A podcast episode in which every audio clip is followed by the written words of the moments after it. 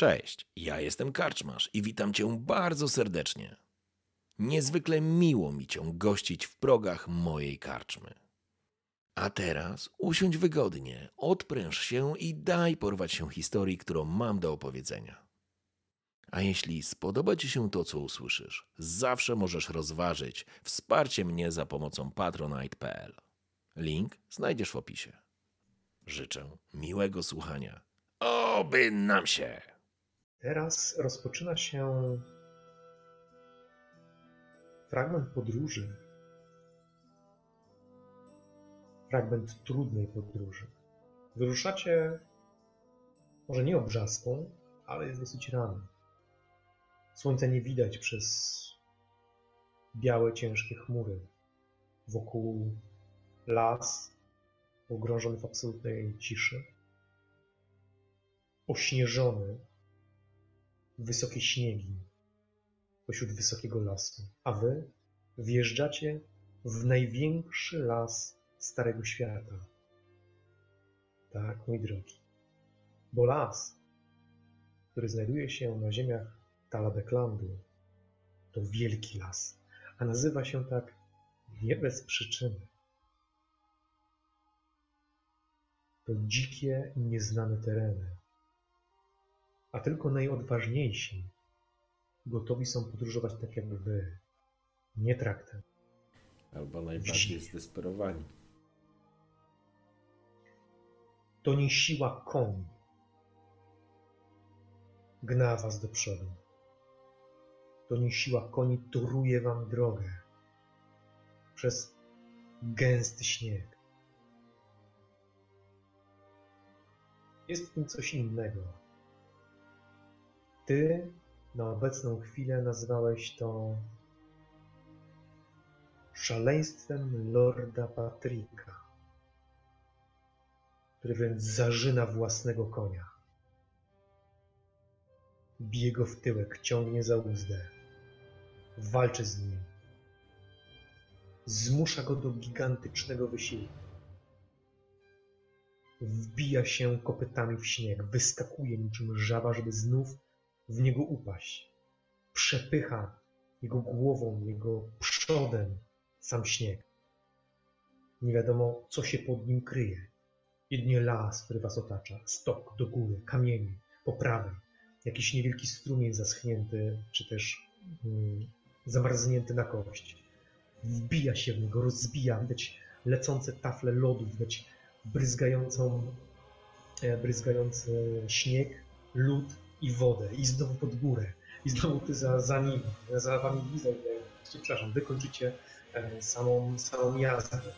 Bez jakiegokolwiek e, przygotowania. Trzymasz się z ledwością grzywy konia, własnego sprzętu i tego, jak trzyma ciebie Oswald, no bo on cię otacza rękoma tak naprawdę. Od czasu do czasu e, widzisz tylko unoszący się śnieg przed wami. Widzisz księcia, który przebija się przez ten śnieg ryczy wręcz przez niego, a to może, właściwie to może być jego koń. Po pół godziny jazdy czujesz się zmęczony. Po godzinie czujesz się wyczerpany. Tylko biel, kująca w oczy, uderza, uderzająca bardzo mocno w oczy, podnoszące się wzgórza i opadające i las wokół was. Wydaje ci się przez moment, że nie odjechaliście nawet na fragment, na kilometr, na dwa. Ale widzisz ten tor, który za wami, za wami jest. Nagle koń Oswalda zaczyna się osuwać wzdłuż opadającego stoku. Oswald ściąga lejce, podnosi, zmienia kierunek końskiego łba, uderza go jeszcze mocniej, koń wybija się do góry, walcząc ze śniegiem. Osuwacie się we trójkę właściwie po stromym zboczu, walcząc o każdy metr tymi końskimi, e, ty, tymi końskimi cielskami. Siła jest naprawdę potężna. Po czterech godzinach masz już totalnie dosyć dupa obita do, do nieprzytomności. Saniach to się jechało idealnie. Nie wyobrażasz sobie, że przeżyjesz jeszcze 5 minut, a dopiero godzinę. A las wydaje się nie mieć końca. A oni mają niezmordowane siły. Niezmordowane siły po prostu. Proszę cię, test odporność. No jestem kozakiem, nie? W tym temacie.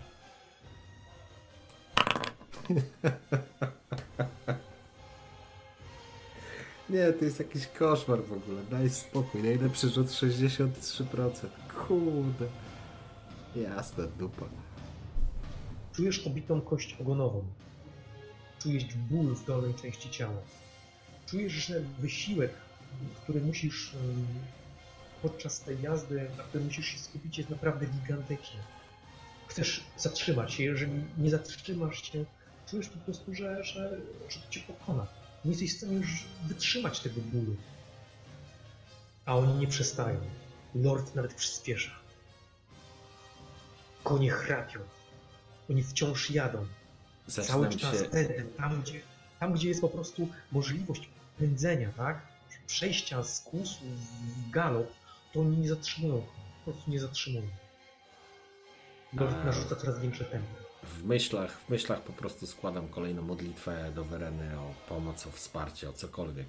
Byleby tylko się zająć, odejść, trochę od tego nie myśleć. Cokolwiek. Rzuć proszę. Nie wiesz, czy to Verena, czy może czysty przypadek, ale jeden z koni nagle zatrzymał się. Stanął dęba, Giselbrechta. Giselbrecht utrzymał się w wierzchowcu, może dzięki temu, że koń miał wystarczająco dużo siły, ale odmówił po prostu jazdy. Oswald zatrzymał się, podjechał tuż bokiem, tuż obok i zszedł z konia, gdyż sam Giselbrecht również musiał zejść z konia, żeby uspokoić wierzchowca. Lord obrócił się, a jego wierzchowiec jest łagodny, choć zmęczony. Nie podjeżdża do nas, po prostu patrzy. Geboje odezwał się podbiegający do niego. Trzymaj, rzucił ci uzdę do, do ciebie, e, konia, na którym siedzieliście i ruszył w stronę Gebojera. Padł w szaleństwo, nie wiem co się z nim dzieje. Giselbrecht. Gebojer walczy przez chwilę. Giselbrecht Gebojer, tak. Aha. Gebojer walczy przez moment z e, końską uzdą, właściwie z koniem, trzymany za końską uzdę i pomaga mu Oswald, który uspokaja samego wierzchowca. Dotyka go i gładzi. I dostrzegasz jakieś niezwykłe zdolności w samym Oswaldzie. To zwierzę po prostu uspokoiło się w mgnieniu oka. Nachylił się i zaczął szeptać coś do końskiego ucha, a te powoli zaczęły strzec. Milordzie odezwał się w stronę w stronę Patryka. Konie potrzebują odpoczynku. Dalej tak nie pojedziemy. Nie tylko konie Znajdź w duchu, miejsce, myślę. odezwał się. Znajdź miejsce, odezwał się Kreglic. Tam, w dół zbocza. Lord kiwnął głową i powoli zaczął zjeżdżać, nie męcząc wierzchowca. Oswald prowadząc wierzchowca, Giselbrecht ruszył w twoją stronę. Obiłem sobie żyć, powiedział mało elokwentnie. Kolejna rzecz, która nas łączy, a nie dzieli, panie Giselbrecht. Uśmiecham się. Z ulgą zeskakuje z konia.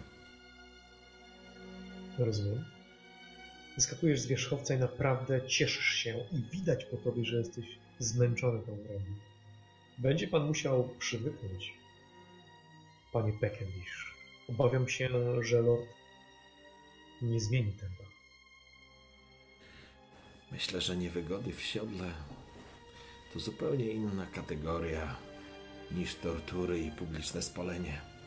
Ruszajmy zatem. Biorę kawałek, Krótki odpoczynek. biorę trochę śniegu na, w rękę, przecieram sobie twarz, chcąc Żeby się trochę orzeźwić. orzeźwić i ochłodzić troszeczkę, nie? To znaczy ochłodzić w takim sensie, wiesz. Plecy masz, e, masz spocone, pomimo tego, że na, zew- że na zewnątrz jest niezwykle zimno. Nie jest to temperatura na plusie, ale nie odlega ona daleko e, od, od zera. Myślę, że minus 5, może minus 8. Wyczuwalne. Gdy wyjedziecie poza las, będzie gorzej. Tutaj jest troszeczkę cieplej. Żadnych śladów dookoła. Tylko biel, puch i ośnieżone szczyty. Dwa kwadranse. Tylko tyle Lord dał. Ale nie siadałeś. Wysiedzisz się w siodle. Pozwoliłeś sobie zjeść i się napić.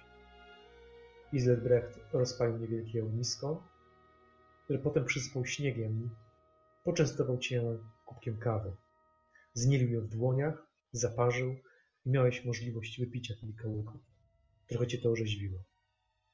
I gdy tylko wszedłeś na konia, znów poczułeś tyłek. Poczułeś zbitą kość ogonową. E, I pytań- w pięciu minutach poczułeś, że nie jesteś w stanie dalej jechać. E, jedną rzecz jeszcze, jeżeli to możliwe. E, jeśli miałem jakikolwiek ciuch albo cokolwiek takiego, co mógłbym sobie po prostu, mówiąc wprost, w spodnie wsadzić, żeby, żeby, żeby miało swego rodzaju amortyzację, to na pewno to zrobiłem. Natomiast jeżeli nie miałem, no to trudno, to nie miałem. Z pewnością mogłeś skorzystać z jakiegoś fragmentu koca czy czegoś takiego, wypychać sobie po prostu tyłek. Niemniej jednak pomogło to tylko na trochę.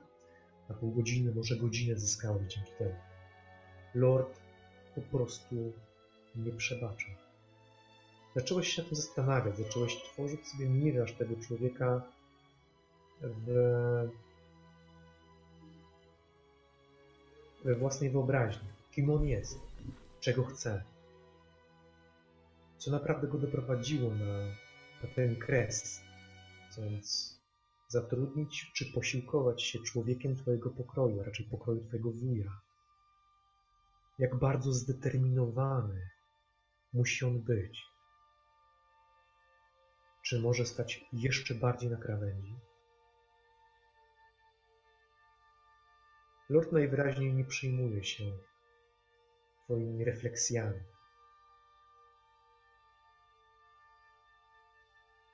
Spina konia, Dlatego nie były kierowane do Lorda, tylko do Giselbrechta.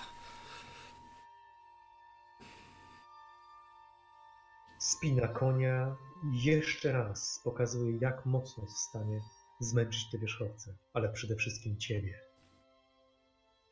Znów zniesienia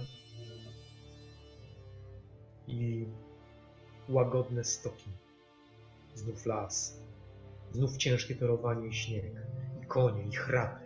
I ich unoszące się w powietrzu ciężkie oddechy. I para. I Jedyna rzecz, rżenie. jedyna rzecz którą, na którą mam jakikolwiek wpływ, oczywiście nie tyczy się absolutnie fizyczności, bo, bo tutaj nie mam nic do gadania. Natomiast e, jakby staram się z tym jakby wewnętrznie trochę też pogodzić, zostawiając sobie przestrzeń taką, że możesz cierpieć w siodle i marudzić, że właśnie jesteś na torturach, albo faktycznie być w lochu na torturach. E, Więc zdaję sobie sprawę, że to niewiele może mi pomóc, ale wierzę, że umysł jest kluczem do tego świata, a nie siła mięśni. Zatem tak sobie to tłumaczę. I takie rozważania e, staram się przeplatać jakimiś modlitwami. Oczywiście w głowie. Nie, nie modlę się na głos, żeby się nie zdradzić, że to chaosy, to tak modlić się do wereny. Tonie, nie wiesz jakim cudem dotrwałeś do momentu, kiedy Lord zarządził postęp. Jechaliśmy, jechaliście przez 4 godziny, potem zatrzymaliście się na dwa kwadranse i znów jechaliście kolejne 3 godziny. Zmierzcha, odezwał się Oswald i to wystarczyło, żeby Lord zatrzymał konia. Tam skierował swój wzrok oraz głowę. Dotarliście na miejsce ciągnąć wasze wierzchowce. Po prostu padłeś, zatrzymałeś się i nic nie robiłeś. Przeżywałeś ból w dolnej części ciała, ból pleców, które promieniście przechodziły na barki. Zastanawiasz się, gdzie jesteś? Gdzie ty do cholery jesteś? Powinieneś być w klasztorze. Powinieneś być kapłanem, jak, jak gruby. A teraz modlisz się do Wereny, żeby przestało cię boleć. A boli jak piekło, chociaż z każdą sekundą mniej. Oni jednak wydają się być dużo mniej styrani całą podróżą. Konie przywiązane do drzew, otoczone liną, tak, żeby się nie wydostały. Torby rzucone na śnieg, wyciągnięte dwie łopaty, zaczęli odgarniać śnieg. Oswald i Lord Patrick zrobili niewielką wycinkę w śniegu, po czym Giselbrecht a właściwie siekierką, czy niewielkim instrumentem zabranym z, z, od tych żołnierzy, tych, od tego wąsatego oddziału, zaczął ścinać niewielkie gałęzie, które następnie łamał. I wyścielał podkład pomiędzy śniegiem a ziemią, czy właściwie ziemią, bo do samej ziemi kopali, przygotowując miejsce na obozowisko. Wały śniegu stworzyły parkan czy parawan e, otaczający wasze obozowisko. Na zewnątrz tego obozowiska, wytoczone kamieniami oraz tymi, którymi się udało oczywiście znaleźć, niewielkie palenisko. Zaświszczał niewielki czajnik, dwa metalowe kubki, znów ziarna kawy, e, które rozbił w dłoniach Giselbrecht. Ciężki miecz, kieł rzucony na drewniane szczapy, płaszcz, torby, twoja torba, sienniki. O, cholera, możesz wstać. Rozmasowujesz swoje pośladki. Czujesz, że pomaga, pomaga. Wyciągasz kot ze spodni, rzucając na siennik. Ledwo co chodzisz. Panie Peckendish? Kawy? Odezwał się łagodnie Oswald. Jego oczy już wcześniej wydawały się tobie łagodne. Życzliwe. Choć wiesz, że musi być... Oczy wydają się najłagodniejsze z całej tej grupy. Właściwie to trochę kuriozalne, że zaprzyjaźnił się z Giselbrechtem i z, z tym... Boże, nie Ottonem, tylko Oswaldem. A, oczywiście skłaniam się bardzo chętnie. Bardzo chętnie. Dawno. Dawno nie jeździłem tyle w siodle. Dosyć męczące. Zauważyłem, panie Pekenowicz. Zastanawiam się tylko, jak te konie to przeżyły. Spojrzał się na nie i pospieszył z wyjaśnieniem. To wojskowe konie. Pomimo tego, że lord może wydawać się sobą niespełna rozumu, To zwierzęta, Nie, to nie ja powiedziałem, panie Oswaldzie. zwierzęta traktuje łagodniej niż ludzi. Proszę mi wierzyć. Nie mam powodów wątpić. Odbieram od niego metalowy kubeczek. Pościelę panu sieni.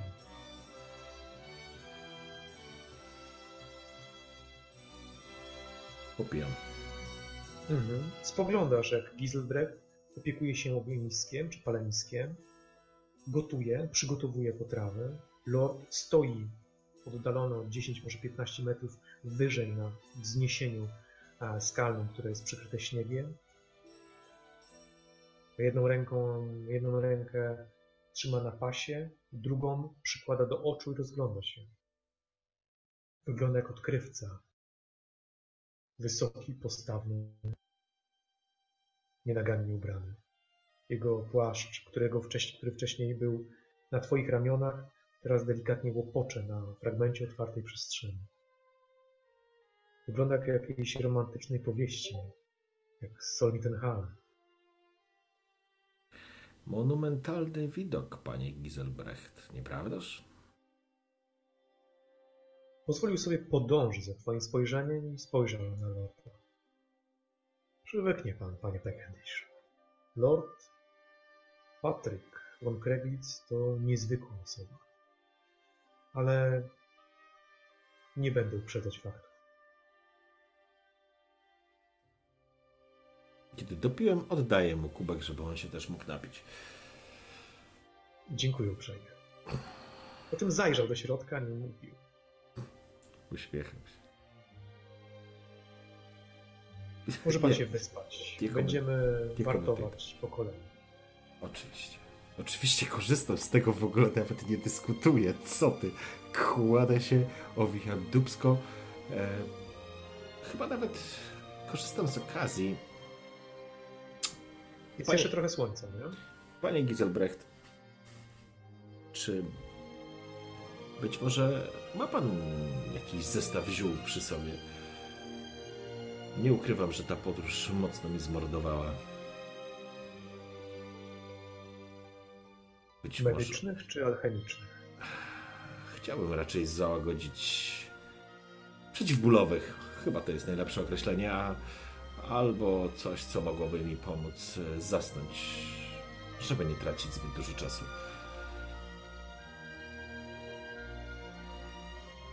Wydaje mi się, odezwał się zaglądając do swoich sakiewek, że mogę mieć tutaj odrobinę e, fakstrotylu albo nocnego cienia, ale wątpię, żeby to panu pomogło. Mm, Faktycznie wyciąga jakąś, jakiś zawiniątek. Czy znam tę nazwę? Spotkałem się z nimi? Owszem. E, Fakstoryl, pomyliłem się, przepraszam. To faktycznie dosyć rzadki lek, ale służą przede wszystkim do mm, powstrzymywania krwawienia, Mhm. również wewnętrznego. Stosowany jest przez chirurgów, żeby utrzymać pacjenta jak najdłużej w warunkach polowych. Jeśli chodzi o nocny cień, to lek ten jest raczej lekiem usypiającym, pozwalającym zasnąć. Wyzwalającym co? Pozwalającym zasnąć. No to cudownie. Usypiającym w sensie. Tak, bardzo dobrze. Najbardziej by Cię interesowała Waleriana. Waleriana faktycznie osobom e, z obtarciami lekko rannym, właśnie w takich znojach, no, przywraca siły życiowe dosyć szybko. No, ale nie- Rany, nie, jak babka lekarska, tak dużo silniej.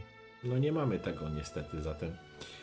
A skorzystam z tego nocnego cienia, żeby po prostu odpłynąć i przespać się maksymalnie długo. Rozumiem. Bierzesz nocny cień, chcesz go zażyć? E, tak, ale w dawce, która mnie nie zetnie na 24 godziny, ponieważ e, nie mam faktycznie umiejętności ziołolecznictwa czy zielarstwa, ale mam leczenie. O, teraz ym, muszę cię tutaj. Ym, jest coś takiego jak aptekarstwo naturalnie, które Mhm. pozwala się znać również na tworzeniu leków, ale le leczenie teraz jest umiejętnością rewelacyjną, dlatego że z połączeniem leczenia ran, leczenia chorób, korzystania z różnych leczniczych przedmiotów i ziół, O, super. i przy odpowiednim użyciu tych przedmiotów, jeżeli posiadasz, jesteś w stanie przywrócić sobie K10 punktów żywotności. No to bardzo dobra informacja. Czyli będę Ale potrafił. niestety nie, posiada, nie posiadasz po prostu odpowiednich medykamentów. Jasne, ale-. Ale potrafię sobie odmierzyć e, dawkę tego, jako... Zgadza się. Nie potrafisz ważyć lekarstw, ale jak najbardziej korzystać ze ziół potrafisz. W porządku. Zależy mi na tym, żeby pomogło mi to zasnąć, a nie żeby mnie po prostu uśpiło na amen. Po prostu nie chcę powtórki z e, dnia wczorajszego. Chcę wykorzystać ten krótki czas, bo to będzie krótki czas, e, żeby jak najmoc, najlepiej się zregenerować i przygotować do niedoli kolejnej części w podróży. No to są tutaj długie, chociaż nie wiesz, kiedy Lord Patrick postanowi wyruszyć. Dlatego, jak każdy, e, inaczej, hołdując żołnierskiej maksymie, śpij kiedy możesz. Właśnie tak to chcę zrobić. Rozumiem. Przykrywasz się e, kocami, wchodzisz w śpiwór, kładziesz się na silniku, zażywasz e, lek i czujesz, jak promieniują ci policzki, wciąż czujesz ból głowy, masz dodatkowo e, no, ból pleców jest naprawdę silny, tak samo jak i pośladków i kości ogonowej. I czujesz również te mięśnie, których nie zdawałeś sobie z ich istnienia po prostu. Szczególnie te na nogę.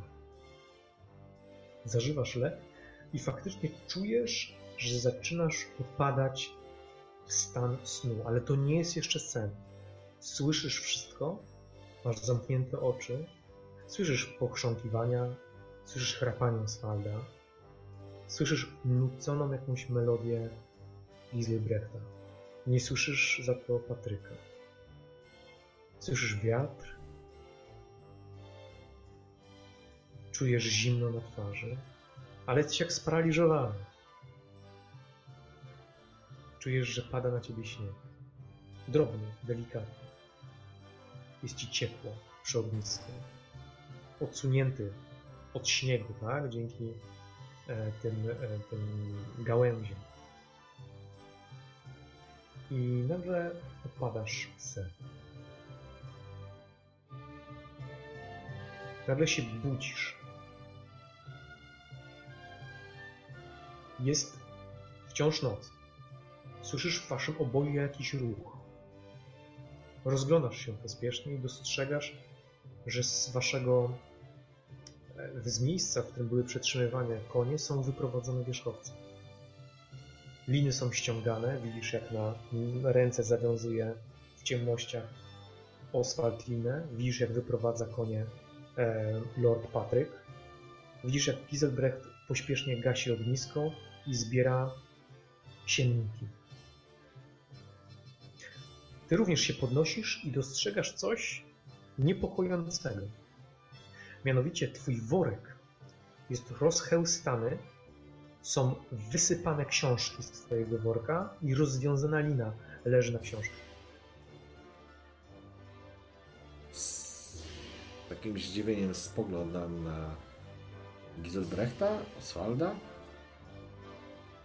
Dobrze, że się pan obudził, panie Peckendish, mówi w ciemnościach do ciebie Giselbrecht, składając jeden z silników. Ruszamy. Nie wiesz, która jest godzina. Nie widzisz księżyca. Delikatny śnieg przysypał cię dosyć mocno, więc stworzył taką niewielką kołdrę puchową. Zbieram swoje rzeczy. Sprawdzam, Czyścisz to, ze śniegu, czyścisz ze śniegu Tak. książki, zawiązujesz sznur i wrzucasz z powrotem do worka. czy czegoś, czegoś zbrakuje. Jest ciemno, nie widzisz. E, Kula jest? Wkładasz rękę, czekając na efekt, którego się spodziewasz. Delikatne, niebieskie światło rozbłysło wewnątrz worka. Nie widzisz jej, ale Okej. widzisz światło. W porządku. Przechodząc koło Giselbrechta, mało elegancko. Stajesz i Tak, mhm, zarzucasz worek. tak. Zarzucam worek. Idę w kierunku Oswalda. Więc Giselbrecht to, to takie mało eleganckie. Po czym idę do Oswalda. Widzisz, że Gizelbrecht wyprostował się, ściągając, wkładając sobie pod pachę e, siennik, ale nie odpowiedział, po prostu patrzył na ciebie dosyć zdziwiony, może, można powiedzieć w ciemności. Rozumiem, że miałem to pod głową, czy obok siebie, a to było rozchełstane Tak, obok siebie. Mhm. Rozchełstany, rozwiązany worek. Ktoś wyciągnął po i wysypane twoje... rzeczy. I wysyp, wysypał po prostu książki, rozwiązując je i pewnie przyglądał. Blisko ciała one wszystkie były. Nie, nie, oczywiście. Oczywiście. No dobrze. Czas na kaźń, część 2.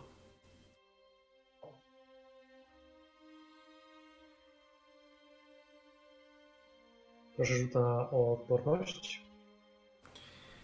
Może chociaż raz dzisiejszego wieczoru rzucę coś po ludzku. ja pierdzielę. Wciąż masz szczęście, pamiętaj. E, aha, tak, mam jeszcze dwa punkty, prawda? Tak. E, dobrze, to ja wykorzystam jeszcze raz szczęście. Jeden punkt.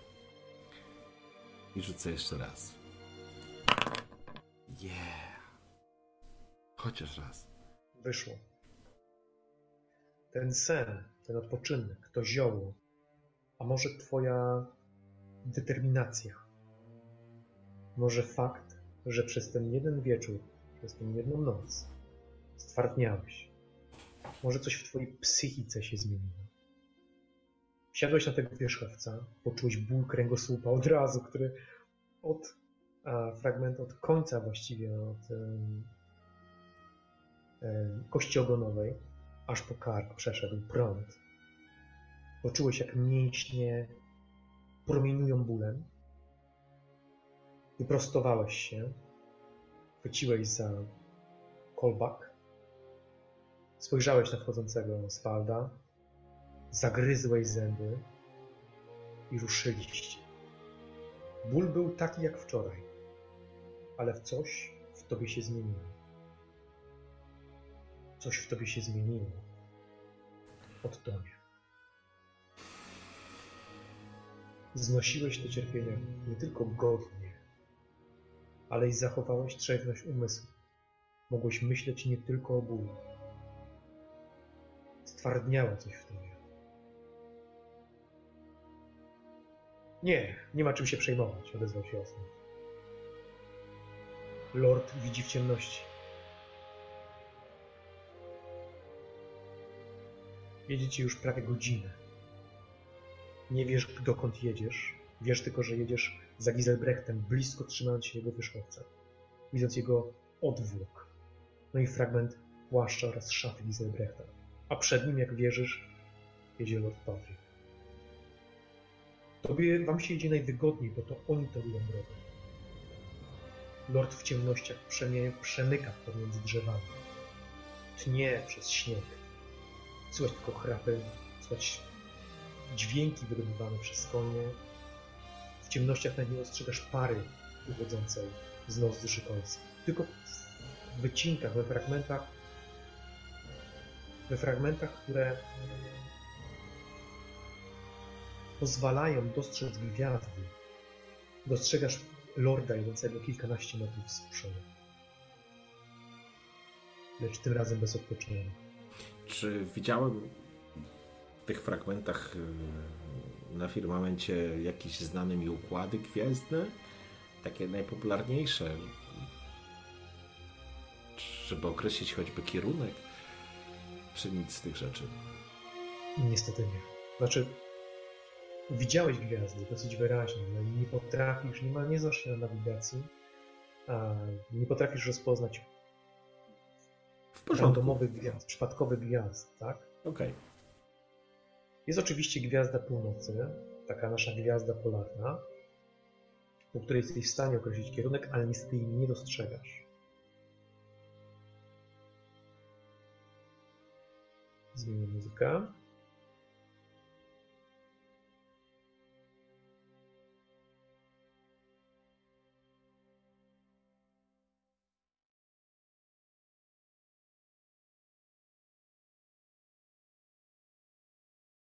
Zaczynacie zjeżdżać w, dół stoku.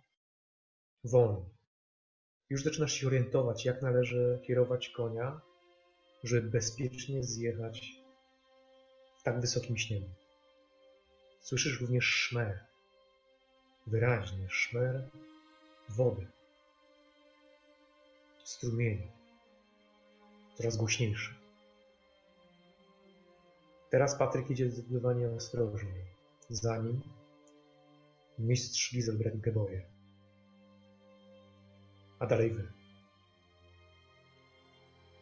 Skrzący się w ciemnościach przecinki stworzonej przez całą rzekę, skrząc- skrzący się nurt rzeki, który dostrzegasz, wydaje się być wartki. Lotra odezwał się tobie do ucha, praktycznie do ucha, siedząc e, w koniu W siodle. ostro. Tak, siedząc w siodle ostro. Nie zamarzła. Jak się przeprawimy? Na pewno nie tutaj. Spogląda, widzisz, że jego oczy wędrują w ciemność i gdzie znajduje się mniej więcej Patryk. Patryk z pewnością widzi więcej, o ile faktycznie widzi w ciemności. Czytałeś o istotach, które potrafią naprawdę widzieć w ciemności. To elfy i krasnoludy. Ale ludzie, ludzie nie potrafią widzieć w ciemnościach. Lord Patryk ma niewiele wspólnego z ludźmi. Ale to jest tylko wolna myśl. I już nie. Jak to wygląda? Odzywa się. Odzywa się Giselbrecht w stronę Oswalda. Musimy iść wzdłuż rzeki. No to ruszajmy. Lord Patryk ruszył znowu przodem. Jednak się nie odezwał w tej dyskusji. Jedziecie wolno. Lord Patryk z pewnością przypatruje się jakimś fragmentom lotry, która pozwoli wam bezpiecznie przejechać, ale że nie ma żadnego brodu, żadnego oblodzenia, miejsca, w którym Lord Patryk mógłby dostrzec jakieś miejsce bezpieczne do przejazdu, wystarczająco płytkie, i mniej wartkie. Gorzej, z każdym kolejnym metrem. Lotra wydaje się być jeszcze bardziej wartka, jeszcze bardziej niebezpieczna. Oswald, odezwał się nagle Patryk, zatrzymując konie. Wasze wierzchowce, wszystkie trzy, zbliżyły się z dołu. Konie są zmęczone, ale odpoczywają w tym, w tym jednym momencie. Ty już nie. Ty już nie. Odtąd. Ból stał się twoją częścią. Potrafisz go znieść. Chociaż twarz masz wykrzywioną grymasę,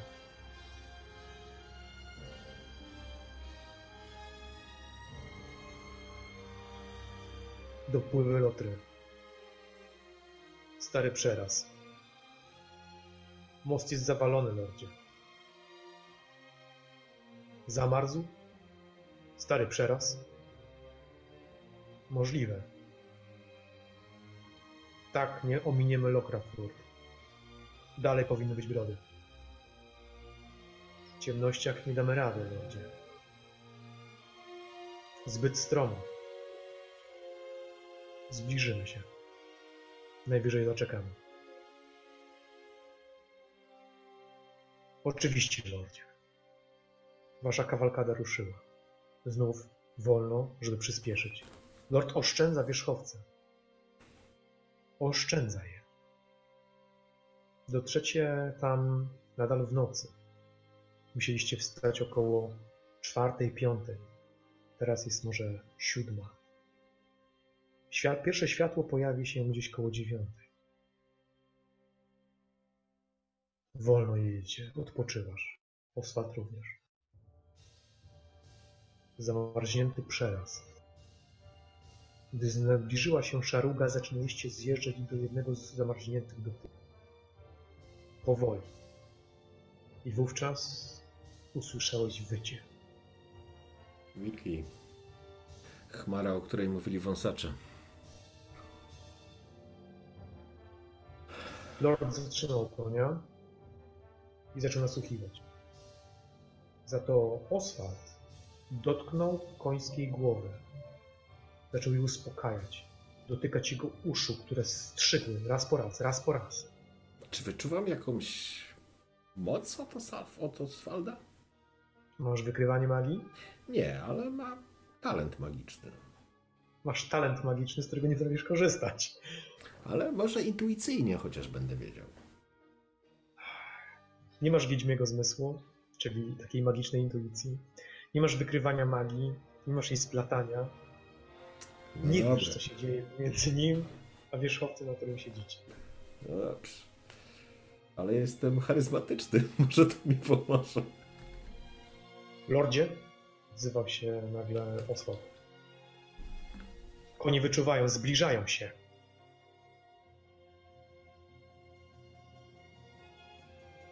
W dół. Odezwał się lord, chwycił za lejce, uderzył w strzemiona już tym razem niebezpiecznie rzucił się w parów. Oblodzony parów. Koń powoli zaczął się ślizgać. Lord wyhamował i zaczął opanowywać samego wierzchowca, który zaczął rżeć. Tuż za nim Giselbrecht, wolniej. I wy. Chwycił za lejce Oswald i ruszył. Panie Pekendish, odezwał się do ciebie szybko, tak energicznie. Po prawej stronie znajduje się skrzynka. Proszę ją otworzyć i wyciągnąć pistolety. Proszę zacząć ładować. No dobrze. Nie czekam na drugi raz. Sięgam. I próbuję wyciągnąć. Otwierasz skrzynkę i w tym momencie was podbiło. Przeskoczył nad jakimś fragmentem zwalonego drzewa i lądujecie prosto w oblodzony fragment dopływu loty. Test na zręczność. Shit. Shit. Ja pierdzielę, po prostu. Nie wiem. Chcesz przerzucić, czy nie? Nie, został mi ostatni punkt. Mm. Jeden z pistoletów wyskoczył po prostu z tego drewnianego, tej drewnianej skrzynki i zatoczył się gdzieś za wami. Został jeszcze jeden pistolet. Nagle Przekląłem. usłyszałeś wycie bardzo blisko. Wycie i ujadanie. Przed tobą pędzi Giselbrecht, a tuż za nim ciemność, w której prawdopodobnie znajduje się pędzący Lord Patryk. No nic, no, Panie Peckendish, proszę się pospieszyć. no sięgam po drugą broń, czy tam ładuję. Sięgasz po drugą broń, sięgasz po woreczek, e, widzisz przebitkę, widzisz pociski. Niestety jest ciemno, jesteś na rozpędzonym wierzchowcu i musisz się skoncentrować. Żeby to zrobić, żeby załadować broń, będziesz musiał wykonać udany test zręczności. Każda runda zbliży do was zwierzęta. E, no dobrze. Ładujesz? Co, co? No tak, oczywiście. Mam. Ładujesz? Rozpędzony wierzchowiec, asfalt w pełnym, w pełnym cwale. Pędzi w ciemność, tuż za koniem Giselbrechta. Tylko kilka metrów was dzieli pomiędzy sobą. Uderzenia, ja, ja, uderzenia. Dobrze, no cóż, ładuję. Nie, rzucam szczęście. Wykorzystuję szczęście, bo teraz bym chyba postrzelił asfalta. Odpiszę ci najpierw. Ja. Ja nie wiem, co się dzieje. Szczęścia. Przecież to jest niemożliwe, żeby takie rzuty mieć, no. Dobrze. Ja pierdzielę. Dobra, jeszcze raz, tak. Nie udało ci się załadować. E, Broń tobie nie wypadła, ale po prostu kula wyśliznęła ci się i spadła. E, Rozsypałeś trochę prochu. Widzisz już w ciemnościach czerwone oczy zbliżających się wilków. Po prawej stronie schodzą z grani, biegną za wami już w tunelu. Jeśli jest ich co najmniej później. No nic, e, staram się przede wszystkim utrzymać w siodle i próbuję załadować jeszcze raz. Dobrze? Ponowny rzut.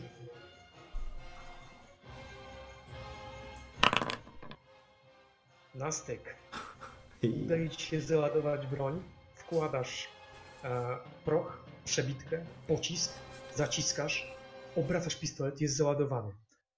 Podajesz go Oswaldowi. Tak, zdecydowanie. Lejce, panie Peckendish, lejce! Chwytam. Chwytasz za lejce, koń jest rozpędzony. Będziesz potrzebował udanego testu zręczności, żeby nie stracić prędkości. E, no dobrze, no nie mam wyjścia. No, proszę. Dobrze. Czujesz, że koń zaczyna zwalniać.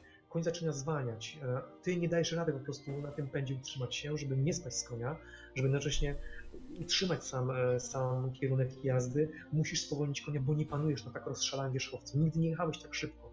W tym samym czasie Oswald obraca się i strzela. Udaje mu się najwyraźniej zestrzelić lub trafić wilka, gdyż słychać po prostu skowyt, czy znaczy taki pisk bardziej niż skowyt.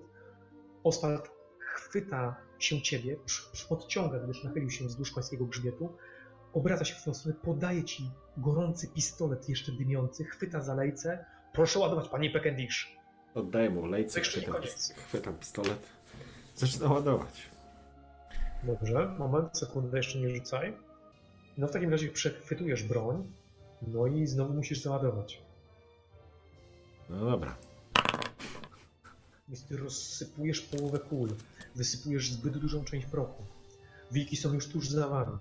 Widzisz dwa zbliżające się w odległości, tak jaka jest pomiędzy tobą a Giselbrechtem. Nabierają prędkości, nagle jeden po prawej decyduje się na skok.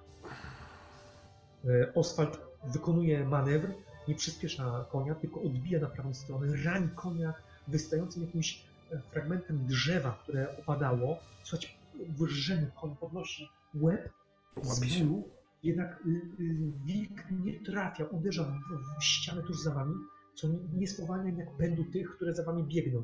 Jeden próbuje skoczyć w waszą stronę. Ładuj. No.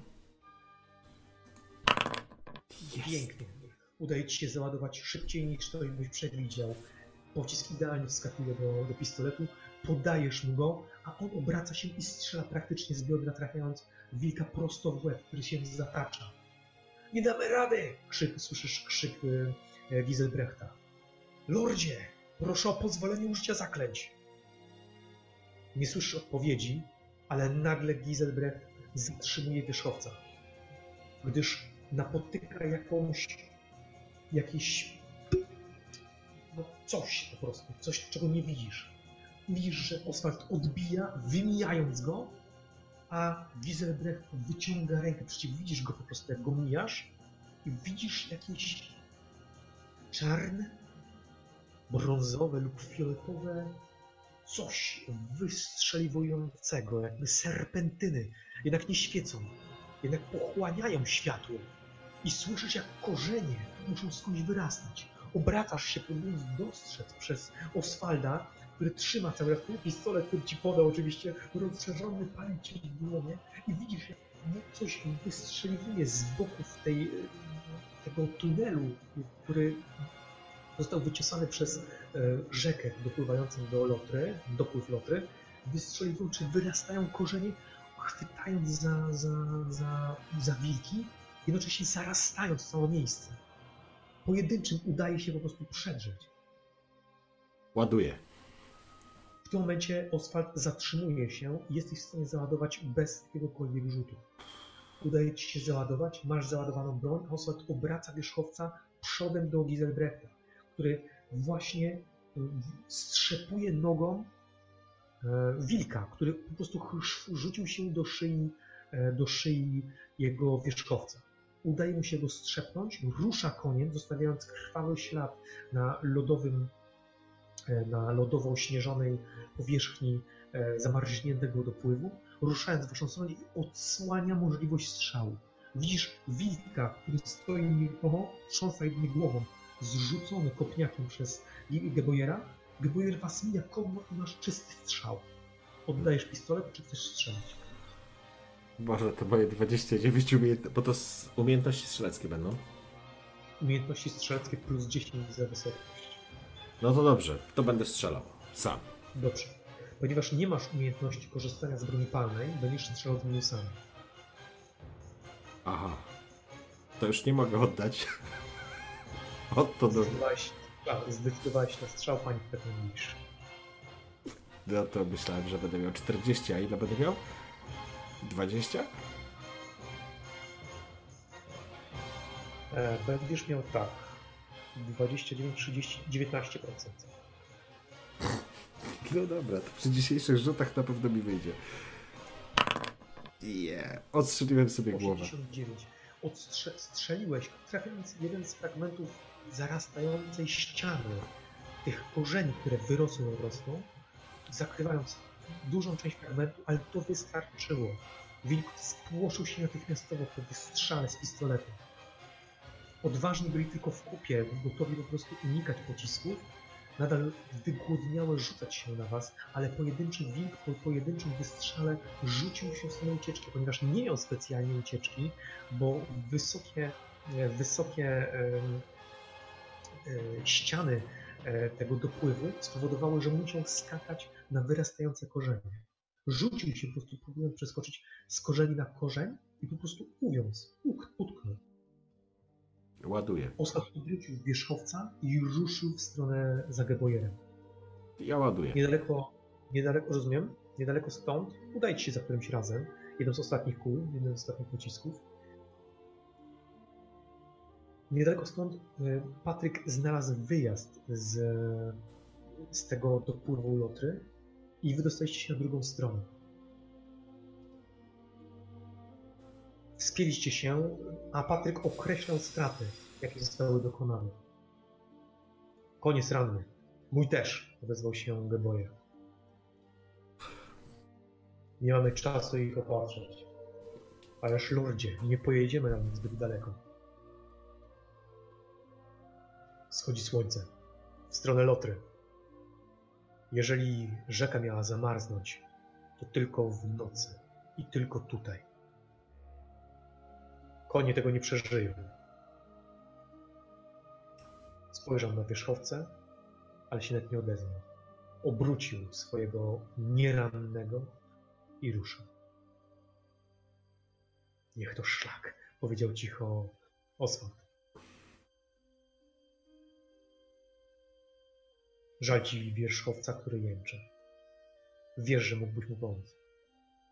Gdybyś tylko wziął z najwyższej wieży igły, nici i bandaże. Ale myślałeś tylko o książkach. Myślałeś tylko, żeby się ukryć, żeby ich oszukać. Koń ciągnie resztką sił, ale wciąż żyje. Zostawia sobą krwawą, krwawy ślad, który z pewnością będzie nęcił wilki. Lotra.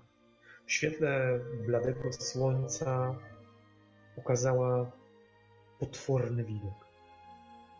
nie zamarzła.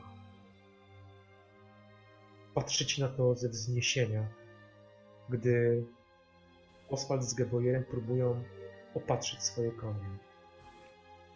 Ty stoisz w śniegu po pas. Obok konia twojego lorda, siedzącego na wierzchowcu. Koń wolno chrapie, odpoczywając z każdą sekundą. Unosi się już rzadki, rzadka para z jego nozdrzy.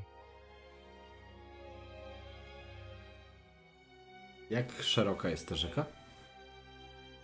Lotra nie jest zbyt szeroka, ale jest bardzo wartka.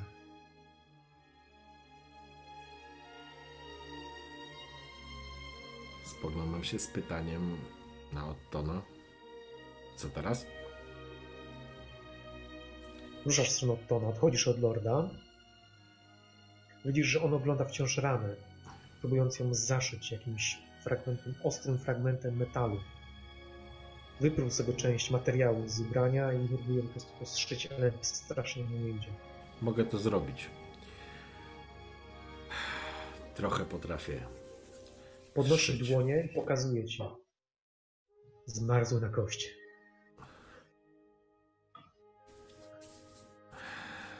Rozgrzewasz palce. Chucham. Wyciągam Powiem ci tak, nie są to narzędzia aptekarskie, Ja wiem. więc, e, czy nawet medyczne, więc będzie minus 5. E, Jest to test inteligencji. W porządku. Będziemy próbować pomóc. Mhm. Tada! No to opatrz te konie. Tak jest, zwycięstwo. Yes. Może nie jesteś najlepszym jeźdźcem, może nie jesteś najlepszym strzelcem, I nie jestem najlepszym czarnoksiężnikiem chaosu, ale ale na pewno potrafisz pomagać i ludziom i koniom.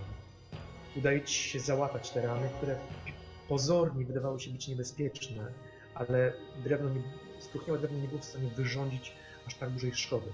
Gorzej z tymi ugryzieniami wilka. Ale udało ci się na tyle zabandażować fragmentami, Moment. tak?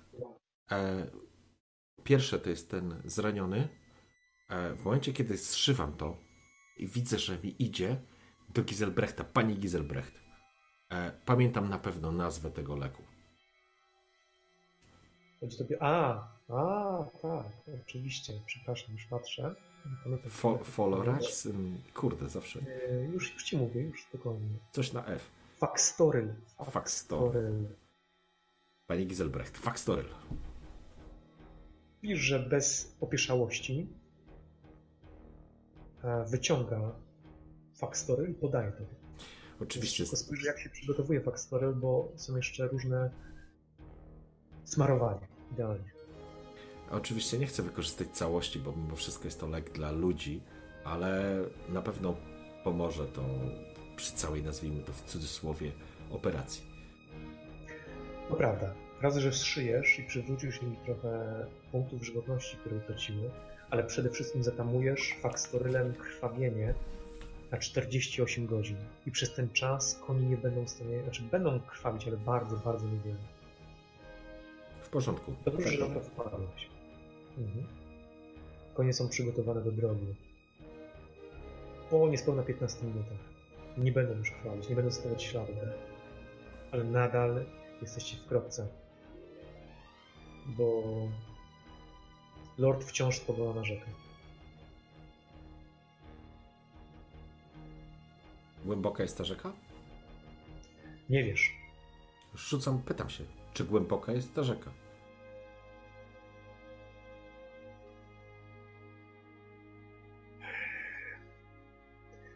Tutaj jest dosyć płytka, ale nie przejedziemy, panie Pekendish. Nie z tym nurtem.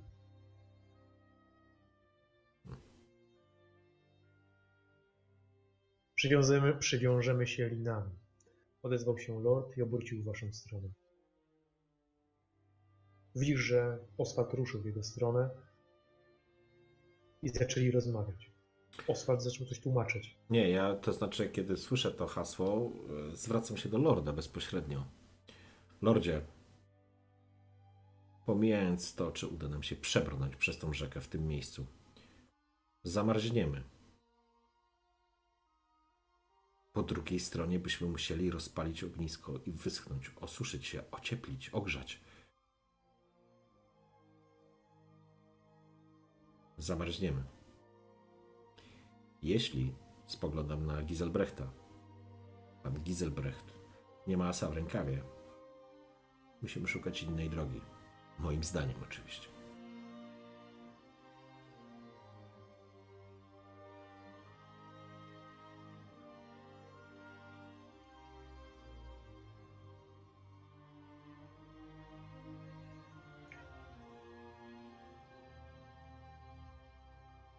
Godzinę drogi stąd, na południu jest stara farma Lubarów. Pojedziesz tam z Oswaldem, panie Pegendish. Opatrzysz kapitana Oswalda. Geboje, jedziesz ze mną? Oczywiście będzie. Poszukamy przejścia. To znaczy, nie mówię tego głośno, y, w sensie nie mówię, tylko wiesz, spoglądam na Oswalda w takim razie. Widzisz, że instynktownie chwycił się w miejsce. Gdzie się złapał? Złapał się za bok. Najwyraźniej ta, ten wystający mm, gałąź czy fragment e, również go trafił, nie tylko konia.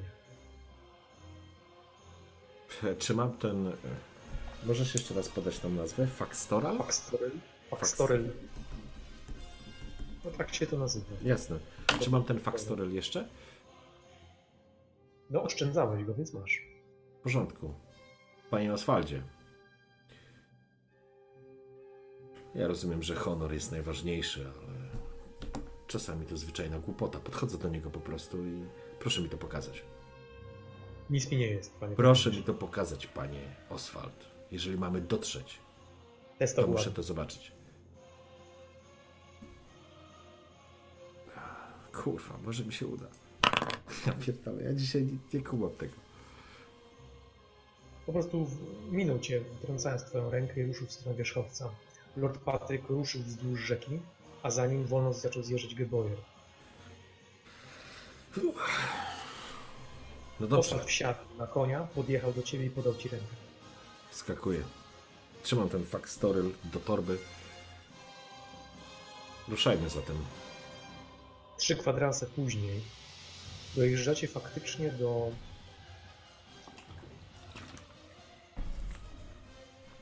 do Farmy. właściwie nie farmy, tylko do fragmentu lasu, w którym w kształcie półksiężyca nie rośnie żadne drzewo. Zostało wycięte i przygotowane na coś. Prawdopodobnie stara wycinka, która została przysypana, przysypana śniegiem. Nie widać tutaj żadnych śladów. Ale faktycznie na środku mniej więcej tego półksiężyca znajduje się zapadnięta i zasypana śniegiem rudera dawnego gospodarstwa. Widać tylko dach, nawet płoty zniknęły pod śniegiem. Dach jest oczywiście delikatnie skierowany ku dołowi. Zapada się.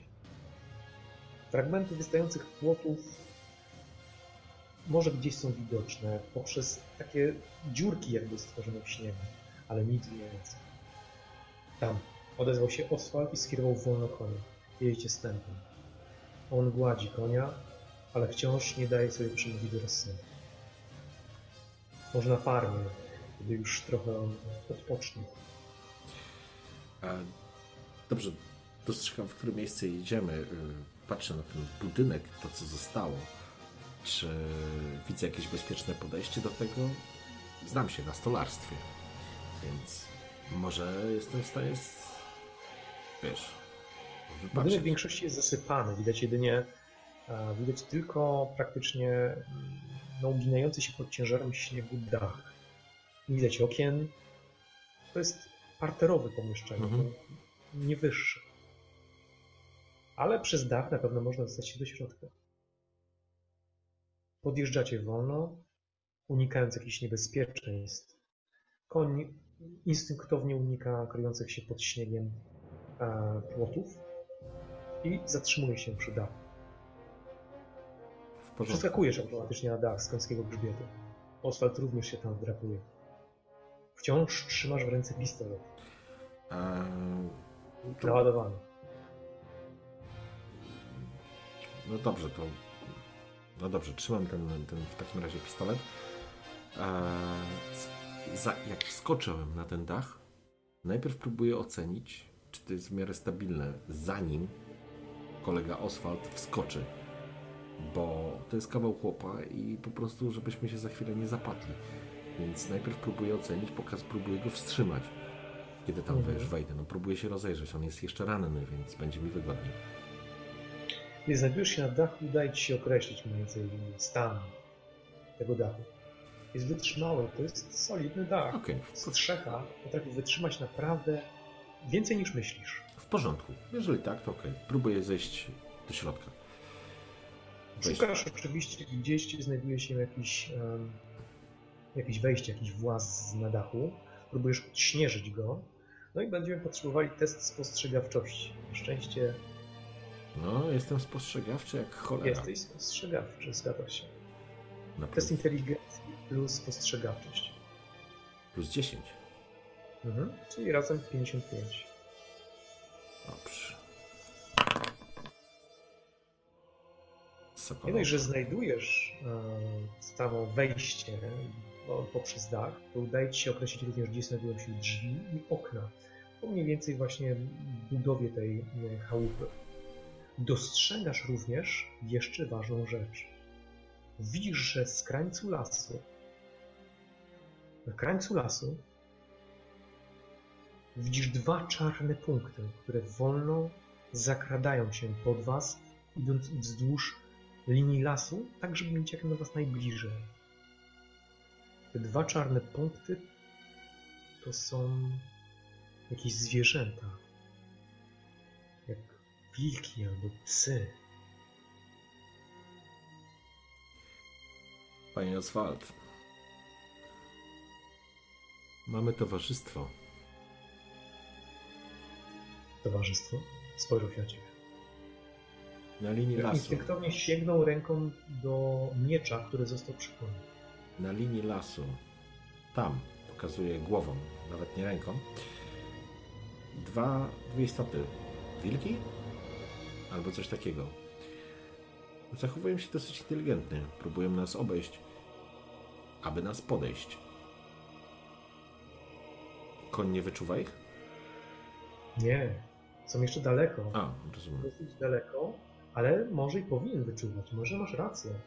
Nie wiesz, dlaczego tak się nie dzieje.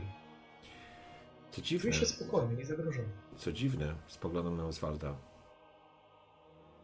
Konie nie wyczuwają. To znaczy, koń nie wyczuwa niebezpieczeństwa. A pan, masz pan specyficzny dar. To nie jest naturalne. Na moją głowę. Jęknął. Ile mamy czasu? Jaka jest odległość między nami? Przygląda się. Nie, nie między tymi wilkami, czy tym czymś, a nami. One wolno idą. Zakradając się. Znaczy, idą brzegiem lasu, tak? A jaka jest to odległość? Kilkadziesiąt metrów. A, kilkadziesiąt. Dobrze, panie Oswald. Jeżeli wejdziemy do środka, będziemy w miarę bezpieczni. Bo coś, żeby się tu dostać, będzie musiał wejść tą samą drogą, ale zostawimy konia na zewnątrz. A to oznacza, że koń może tego nie przetrwać. A to oznacza, że możemy nie dotrzeć do lorda. Zatem nie mamy wyjścia. Musimy bronić tego konia. psy. Co? To nasze psy odezwał się. Koń nie czuje się zagrożony. Ale nie ma łowczego. Broń, pani Peckendish. Wyciąga rękę w stronę pistoletu. Podaję mu. Czy mógłby pan... Czy mógłby pan, panie Peckendish, ściągnąć miecz z konia? Oczywiście. Ruszasz w stronę konia, wolno zsuwając się po, po zaśnieżonej strzeżce, zeskakujesz na wierzchowca, poczujesz, czujesz ból w kręgosłupie, sięgasz po miecz, wyciągasz go z, e, za rękojeść, ale wyciągasz go z pochwą czy bez? Mm, nie no, wyciągnął go z pochwą. Odpinasz w takim razie od konia pochwę. A nie, poczekaj, bo jeżeli mam odpinać... Nie, to za dużo czasu. Jeżeli mam go odpinać, to nie. Po prostu go wyciągnę. Mhm. I wskakujesz z powrotem na dach. Trochę się zsunąłeś tym razem, ale udało ci się odsunąć w stronę Oswalda. Oswald mierzy w tę stronę pistoletem i krzycze. Dashbor! I czeka. Dashbor! Powtarza. Nagle widzisz, że psy kierują się w jego stronę. Wolno przecinając śnieg, ledwo co widoczne. Naprawdę masz dobry wzrok. Odtonie. A pomiędzy nimi z lasu wychodzi człowiek. Ubrany przedziwnie. Ma jakiś. Większość jego ubrania to jakieś czarne łachmany. Postrzępione coś w rodzaju koca, wykonanego raczej z włóczki, czarnej włóczki lub ciemnej, jest podziurawione i tworzy coś w rodzaju em, kaptura, opinającego bardzo dokładnie jego twarz, zakrywającego równie mocno co wizjobrewę. Ale jakość tego ubrania jest dużo gorsza.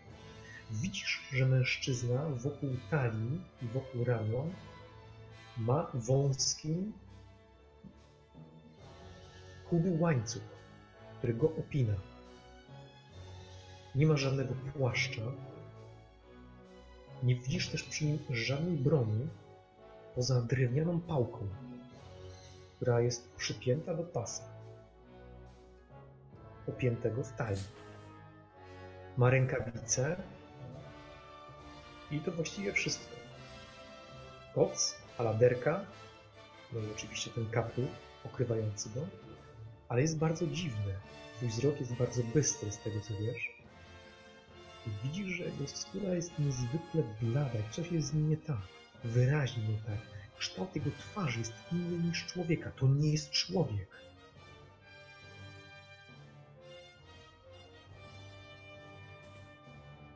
To nie jest człowiek. Mówię tak pod nosem. Ale to nie jest elf. To nie jest tak, że to jest jakaś inna rasa. Nazwijmy to. W Cywilizowana. życiu nie widziałeś innej rasy. A, elfa nie widziałem. Ale czytałem dużo o elfach. To prawda, widziałeś rysunek. Nie wygląda jak elf. Wygląda jak jakiś obszarpaniec z lasu. To jakiś dzikus albo... Nie wiem. Psy jednak są bardzo dorodne. Widać, kaj- mają obroże, bojowe obroże, a psy są naprawdę potężne. To są bojowe, łowcze, czarne psy.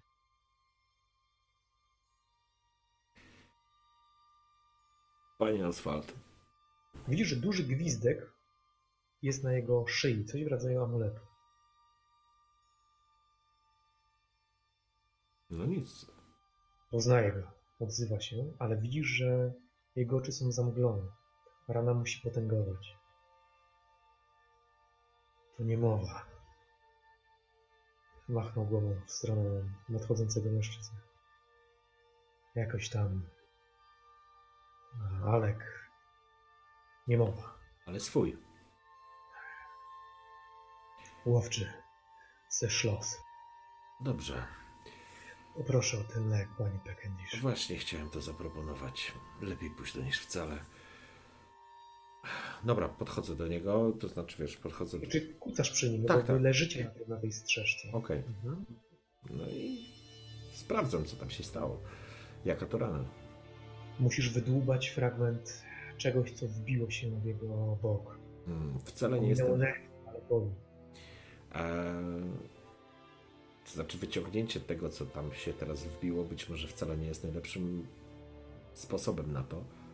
Zwiększy krwawienie. Dokładnie, dlatego myślę sobie, że wykorzystam maść dookoła rany, a wezmę jakiś materiał, albo kawałek koca, albo kawałek jego koszuli, albo czegoś, co mam przy sobie, skórzanego paska, cokolwiek. Większość rzeczy macie brudnych. Nie ma znaczenia. Ja nie chcę robić opatrunku, ja chcę zrobić em, takie usztywnienie. Rozumiesz? Żeby, żeby po prostu zabezpieczyć i ten obiekt, który jest wbity, tak, żeby on po prostu nie wypadł albo nie, nie poruszał się, żeby nie robił większych spustoszeń, ale to nie jest zdecydowanie miejsce na to, żeby wyciągać to i opanowywać krwawienie.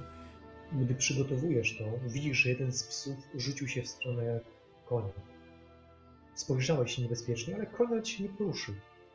Widzisz, że podbiegł do niego i zaczął szczekać, upszczekiwać go, obskakiwać i obszczekiwać merdającym krótkim ogonem. Drugi skoczył na dach ze śniegu. Zatrzymał się i zaczął warczeć w waszą stronę. Mm. To są rasowe, duże bestie. Niebezpieczne. Poczułeś strach. Jednak dokonałeś tego, co chciałeś zrobić. Zabezpieczyłeś się. W porządku. Nagle usłyszałeś gwizdek. I spojrzałeś w stronę tego niemowy, które jest teraz zdecydowanie bardziej, lepiej widoczne. Tak jak wcześniej powiedziałem, nie ma żadnej broni. Większość jego ubioru jest czarna. Spodnie skórzane, tak samo kurtka. Pod spodem jeszcze jakaś derka. Ciepło ubrany, w rękawice. Jedyny kolor inny, fragment liściego ogona, gdzieś wyrastający z płaszcza. Psy nas- natychmiastowo przybiegły w jego stronę. Ty przyglądasz się jego twarzy, którą on stara się zasłaniać. Jest paskudna. Widzisz również, że jest na niej jakaś rana. Krew, która się z niej toczy, nie jest czerwona. Pozwolę sobie ci pokazać go. Jeśli pozwolisz. Jest zwierzoludźiem, ale poza tym bardzo przyjaznym. Nie, nie jest zwierzę. Nie, nie, nabijam się. Ma skrzydła i kopyta, ale jest bardzo przyjaźnie nastawiony. Chcę się z tobą pobawić w perka.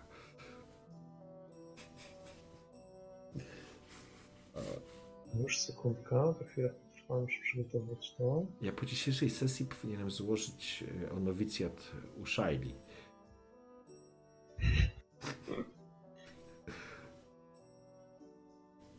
No to byłoby wyzwanie, tak. zagrać kapłanem Shaili.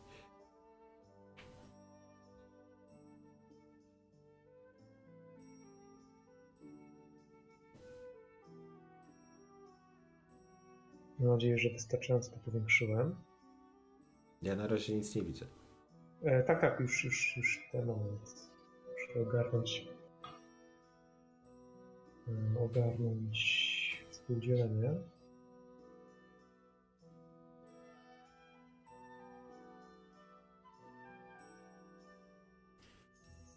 Powinien teraz być widzieć. Widzę, widzę.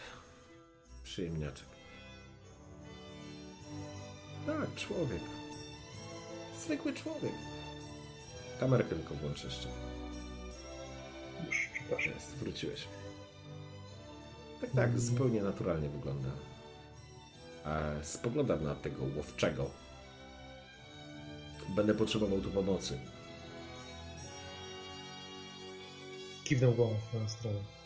Widzisz, że pomimo groźnego wyglądu, innego niż, niż twój, niż Oswalda, niż Patryka, jego oczy są przestraszone, usłużne,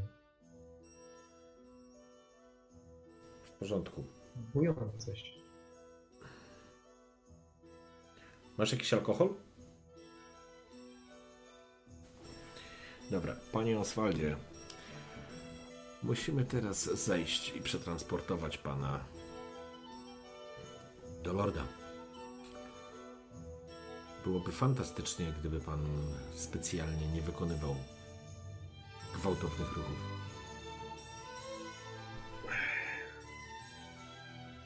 Drogę.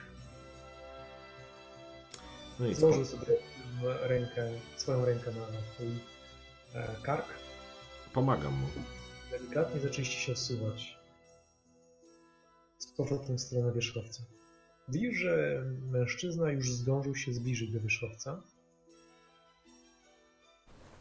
E, No i dotyka waszego konia, sprawdza, co jest z nim. Po czym, jak tylko zeszliście, odsuwa się na tym. Psy są niedaleko. Bawią się w śniegu. Super. Eee, no nic, pomagam Oswaldowi wejść, chociaż kurczę, najlepiej byłoby jakieś nosze zrobić. Ty jesteś ten niemowa? Odezwał się, gdy, tylko, gdy usadowiłeś go tylko w koniu. Mhm. Mężczyzna kiwnął głową. Nie pamiętam, jak ci na imię. Nie jesteśmy sami. Jest z nami Lord Patryk. Książę Kreglic, rozumiesz? Mężczyzna kiwa głową. Pojechał w górę Lotry. Szukamy prze... Szukamy brodu przeprawy. Na drugą stronę, w stronę szlos. Nagle mężczyzna pokazał, ten niemowa, pokazał jakąś palcem gdzieś. Nie. Pokręcił głową mocno. Nie Lokrafurt. Brud. Żadnych mostów.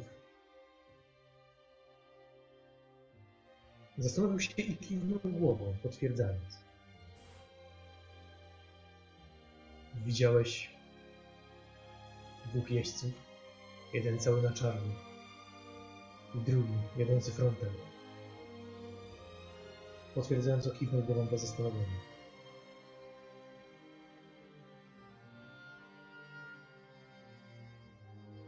Chmura mrogu. Masz róg? Znów kiwnął głową. Daj go. O cholera, panie Pekendish. Wyciągnął w twoją stronę rękę. Próbując cię złapać, aby od, odnaleźć cię już. Mhm. No podchodzę do niego, żeby wiesz, być obok, nie? Mhm.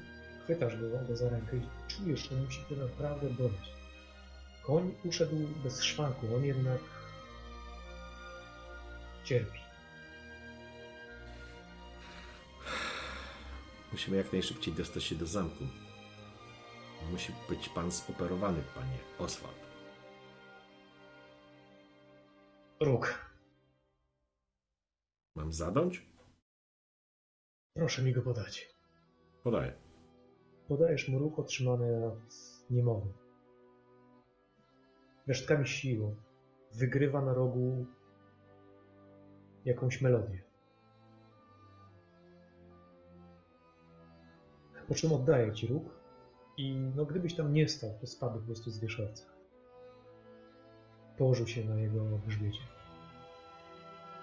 Mężczyzna niemowa cały czas na ciebie patrzy. Nie może, nie, on nie może tak e, leżeć na tym koniu. W, w boku ma to i co, i włók jest przegięty.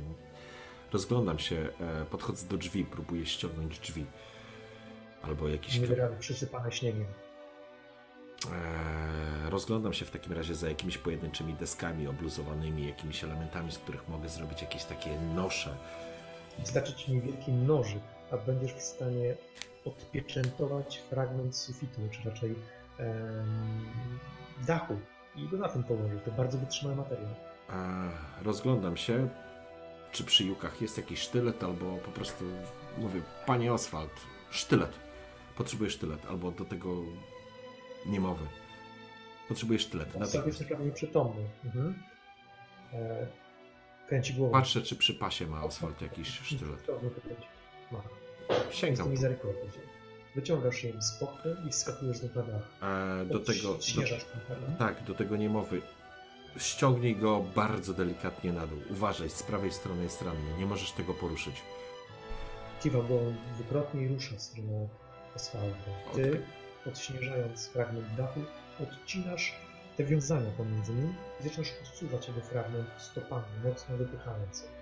Kiedy on pada na śnieg, na wysokości mniej więcej końskiego kłębu, zsuwacie razem delikatnym zwonem. Niedługo czekacie.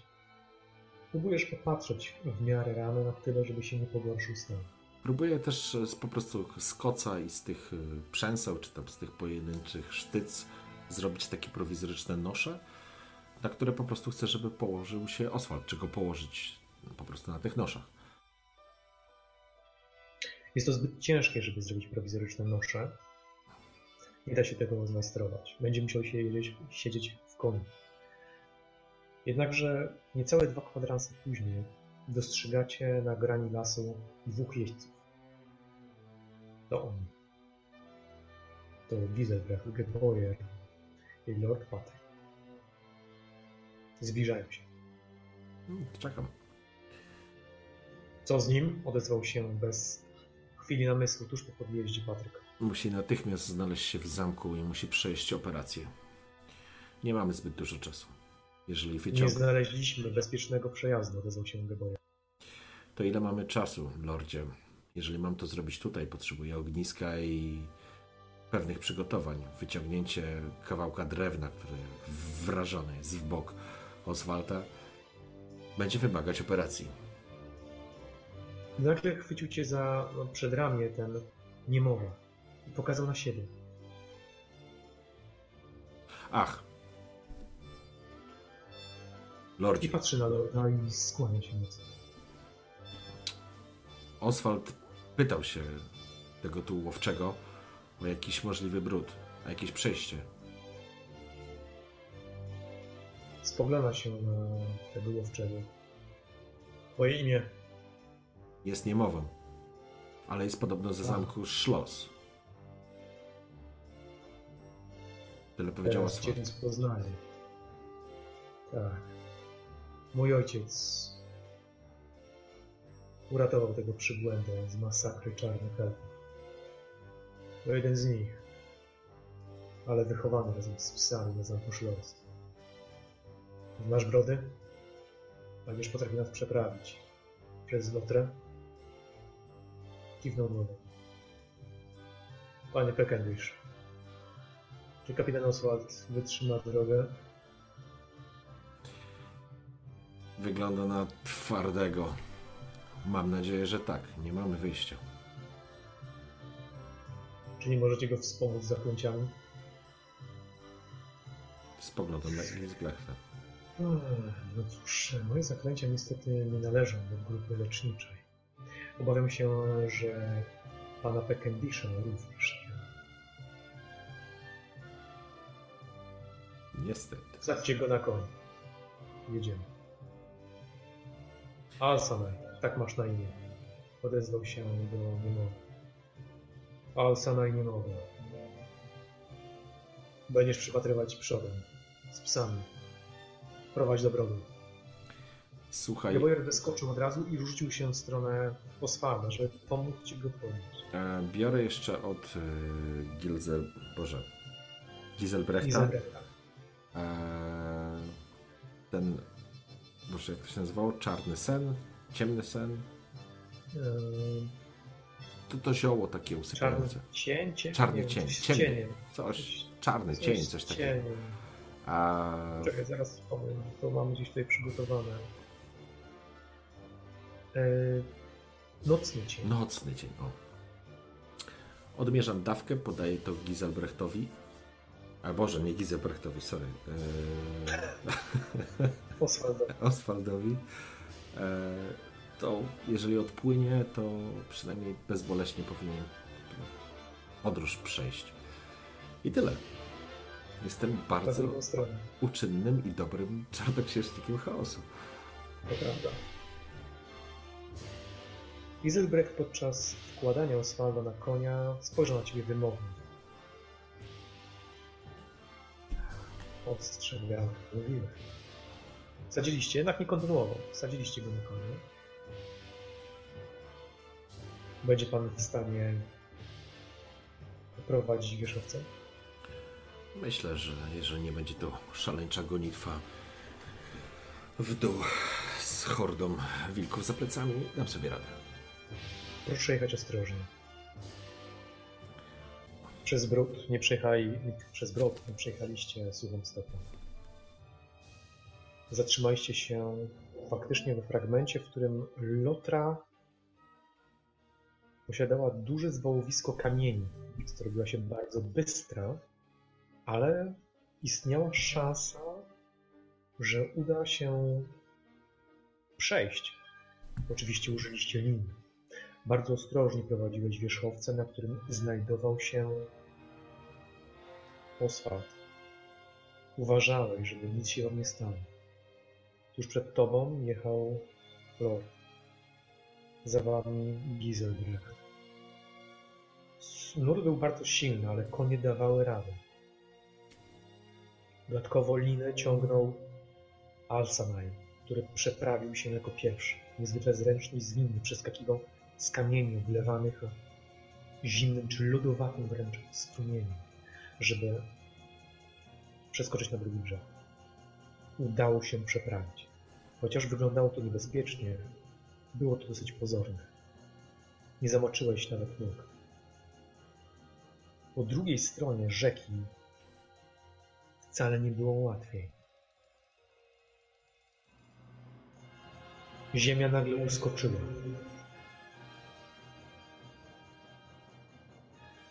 Śnieg ostro, pod dużym kątem zaczął opadać w wąwóz. Wolno zjeżdżaliście, prowadzeni drogą przez Alsanaja. Jego psy przepatrywały drogę. Nagle Alsanaj się zatrzymał. Było gdzieś południe. Jednak coś wypatrzył z wysokości, z fragmentu, gdzie drzewa tworzyły przerwę. Pokazał na fragment zieleni, czy właściwie bieli. Gonni. Odezwał się Patryk. Nasi? Pokręcił głową. Rycerze? Kiwnął głową. Rycerze jelenia z rogami? Zielone płaszcze? Pokiwał głową i spojrzał na lorda. Windą. Wiesz gdzie jest? Kiwnął głową. Na tyły grodu. I wówczas, gdy jechaliście wzdłuż tego upadku, tego spadku w stronę wąwozu, dostrzegłeś, dlaczego jest stworzony ten wąwóz.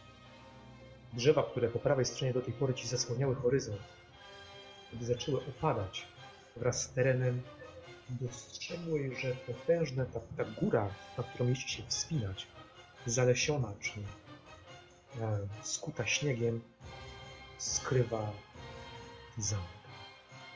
Ale nie jest to zamek jak Shipel, Shipel jest dużo, dużo mniejszy. Mury ciągną się wzdłuż całej okazałości tego masywu. Widzisz, że opada w dół i rośnie w górę. Widzisz wieże, grody, podgrodzia, zamki główne i poboczne. Widzisz basztę wstającą na wielkiej wysokości. Jakby nie były częścią zamku i proporcji proporcja krwioglicy, srebro, czerwień. Zamek jest gigantyczny, wygląda jak małe miasto. Jest nie do zdobycia. Wyobraź sobie zamek pośród puszczy, ośnieżonej puszczy. Wielki zamek, wyrastający znikąd. To jest właśnie Szloc.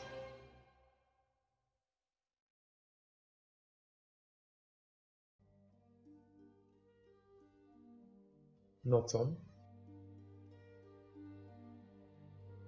gdy zaszło słońce, zaczęliście podjeżdżać pod grań zamku. Cały czas towarzyszyły wam mury. Zatrzymaliście się pod granią,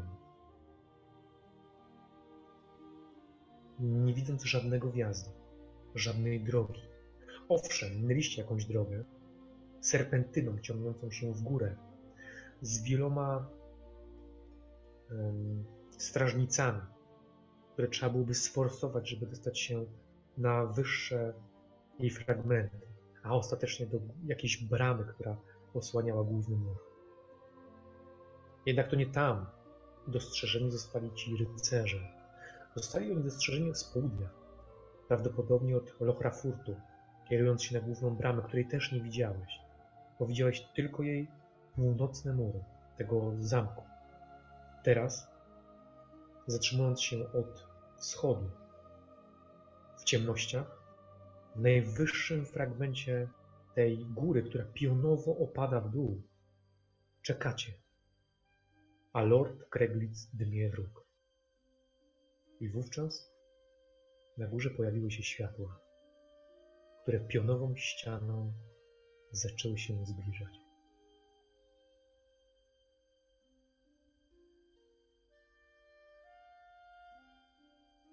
Powoli, bardzo wolno.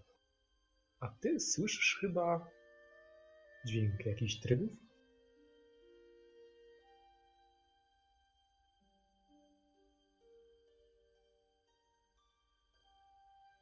Nikt się nie odzywa. Alsanan z natury. Właściwie to nie z natury, tylko z do niedoskonałości. Z natury to nie odzywa się Lord Patrick. Giselbrecht by nawet coś chciał powiedzieć, ale się nie odzywa. Z zasady. No, pewnie. Więc jeśli ty się nie odezwiesz, nikt się nie odezwie. Nie, nie. Jesteś zmęczony. Jesteś zmęczony, Pekenisz. Naprawdę jesteś zmęczony. Martwisz się o Svalda i martwisz się, co zostaniesz w tym gigantycznym zamku. Czujesz się zagubiony. Nie wiesz, jak daleko jesteś od Frochlandu, ale masz wrażenie, że cały świat. Że jesteś zdany tylko na siebie. I nagle coś ciężkiego z dużą lekkością opada na ośnieżony fragment półki, na której stoicie, kamiennej półki. Światła dochodzące z wnętrza kosza świadczą, że jest to duży kosz. Wiklinowy.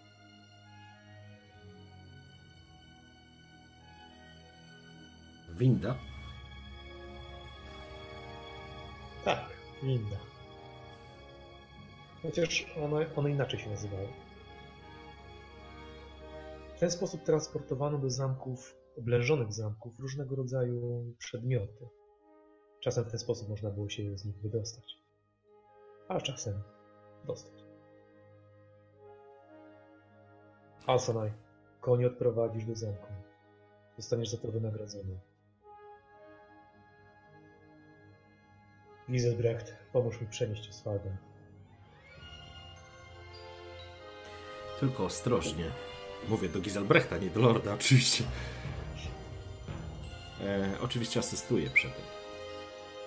Rozumiem. Wszyscy we czwórkę znajdujecie się w koszu, widząc w ciemnościach mknące psy, Alsanaja niemowe i wasze trzy wierzchowce, które dwóch z nich uratowałaś prawdopodobnie życie. Kiedy ułożyliście bezpiecznie Skinam tylko głową Al-Sanai, tak? Temu nie elfowi? widziałeś, czy, czy nie widzi... w ciemnościach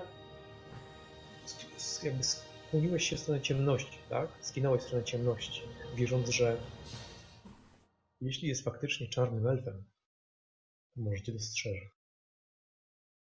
Gdy tylko usadowiliście się w koszu, Lord kilkakrotnie pociągnął za i nagle usłyszałeś tryby i całość maszynerii ruszyła. W koszu jest miejsce na 12 ludzi, na sprzęt. Powoli zaczęliście być wciągani, a ty poczułeś senność.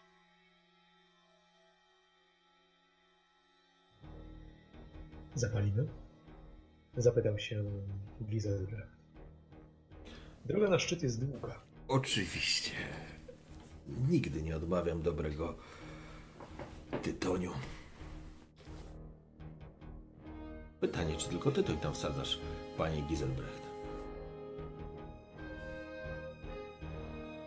Słyszałem, i nie jest to wiedza tajemna, ani z pogranicza sfer, że różne rzeczy można palić i różne efekty można uzyskać. Śmiecham się. Stronie od tych alchemicznych cudów. Staram się palić czysty tytoń. Rozumiem. Rozumiem. No, Krasnoludzki no form. Nie wiem, czy słyszałeś. nawet jeżeli nie słyszałem, to przytakuję oczywiście. Tak, to mógłbym strzelać w ciemno. Ale oczywiście czekam, aż rozpali fajkę. i- Powiedział dzisiaj pan coś dziwnego z rana. Z rana. Jeszcze w nocy. gdy zebraliśmy się w podróż. Mianowicie coś, czego nie zrozumiałem. Raczyłby pan wyjaśnić? Zrobił kilka oddechów, wciągnął dym i podał telefon. Hmm. Lord wydaje się nie przysłuchiwać, ale na pewno słyszy. Moje rzeczy, mówiąc wprost, bez ogródek. Ktoś w nich grzebał, mówiąc wprost, i bez ogródek. Zaciągam się.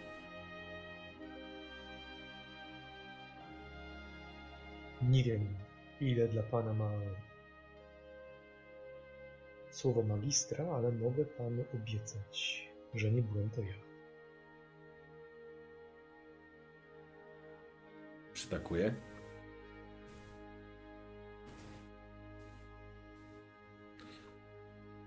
Pewnym sensie musi być jakaś solidarność profesji. W pewnym sensie. Zaciągam się. A ty ten faktycznie jest wyborny.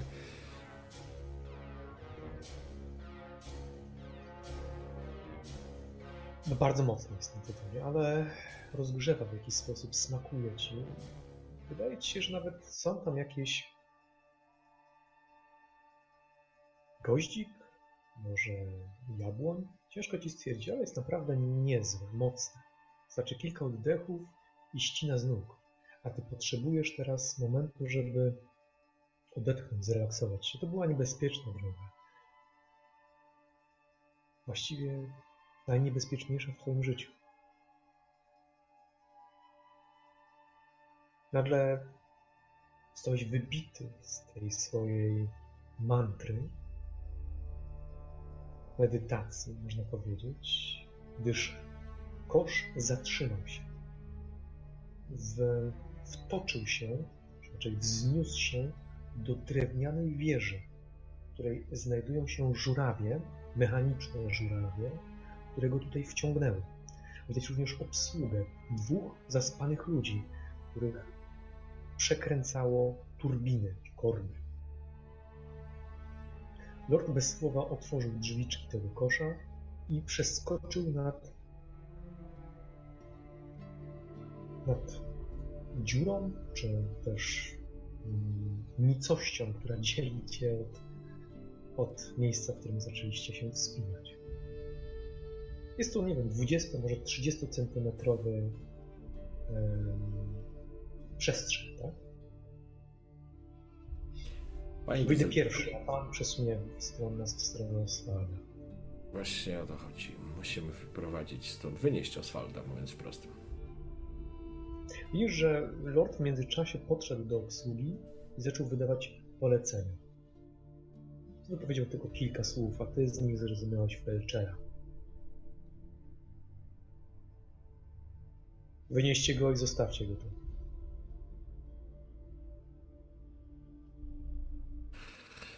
No dobrze, wynieśmy go zatem. Ostrożnie wynosicie go, a ty poczułeś lęk wysokości. Znowuż.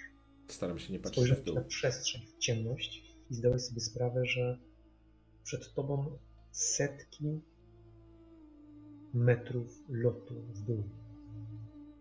Przełknąłeś ślinę i gdy tylko przesunąłeś go na tyle bezpiecznie, przeskoczyłeś bezmyślnie, siłą napędu i cieszysz się wręcz, że trochę stłumił twój lęk i strach krasnoludzki Neufor. Przytępił zmysły. Niebawem pojawi się tutaj medyk. Panie Gizelbrecht, zaczeka pan z nim? Oczywiście, Lord. Panie Peckendish, proszę ze mną. Przerzucam worek. Wyciągam sztylet, który został mi Oswalda. Podaję rękojeścią Giselbrechtowi. Oddaj panu, proszę oddaj Oswaldowi, kiedy dojdzie do siebie. Chwyta za rękojeść mizerykornie, spogląda na sztylet i kiwa w twoją stronę głową, gdy wy wychodzicie z drewnianej wieży. Tak. W ciemnościach nie widać potęgi zamku Szles. Liczne pochodnie zdradzają jedynie życie w czarnych murach tego osłabionego zamku. A wy idziecie blankami. Blankami oddzielającymi was od gigantycznego spadu. Nie wiadomo po co. Na tych blankach znajdują się fortyfikacje i elementy obronne, które miałyby służyć przeciwko ludziom, którzy mogliby się na tą grań wspiąć. To wręcz niemożliwe. Kołowrotki mieczowe, gigantyczne kotły, setki ton kamienia, balisty wymierzone w nocy. I te dziwne otwory, głębokie otwory na kamienne kule. Nie wiadomo, jakie miałyby mieć zastosowanie. Po ośnieżonych blankach idzie Lord Patrick. Ty tuż za nim. Okutani w płaszcze, mijacie załogę, która rozpoznaje swojego księcia. Salutuje. Jest nieliczna, a lord wybiera drogę po groblach, po ciasnych groblach, na których nikogo nie spotkacie. Na dole, na jednym z licznych placów, o jakimś sakralnym znaczeniu dostrzegasz trójkę rycerzy, wypowiadających modlitwę i przysięgę. Przysięgę wierności księciu elektorowi. Pozwolę sobie przytoczyć Ci fragment, gdyż można z niej sporo wyczytać. Przysięgam w obliczu Urlyka i Sigmara, biorąc wszystkich tu zgromadzonych na świadków, wiernie i z całego serca służyć w szeregach starożytnego i szlachetnego zakonu rycerzy Pantery, aż do śmierci, przestrzegając praw zakonnych, chronić jego wysokość księcia elektora, jego rodzinę i prawowitych następców oraz służyć mu aż do śmierci, bez wahania oddawać się rozkazom moich zakonnych przełożonych, jak również tych, których oni wyznaczą w swym zastępstwie. Nigdy, póki starczy mi tchu w piersiach, nie tolerować żadnych istot naznaczonych piętnem chaosu. Wszystkich tutaj obecnych biorę na świadków mojej przysięgi, z której jednie śmierć może mnie zwolnić. Wówczas gromnice zostają podniesione, a kapłan wykonuje znany tobie gest. Należy oczywiście on do gestu sigmaryckiego, ale jest to znak wierności i przynależności. Znak, który jest wykonywany podczas liturgii. I wówczas nad tobą przeleciał duży cień. Musiał dostrzec go również Lord Patrick, bo zaknął. Gryf. Ruszajmy, panie Benedisz, nie ma czasu. Ten cień. Jesteś gotów przysiąc, że był to gryf. Stalabheim. Tak.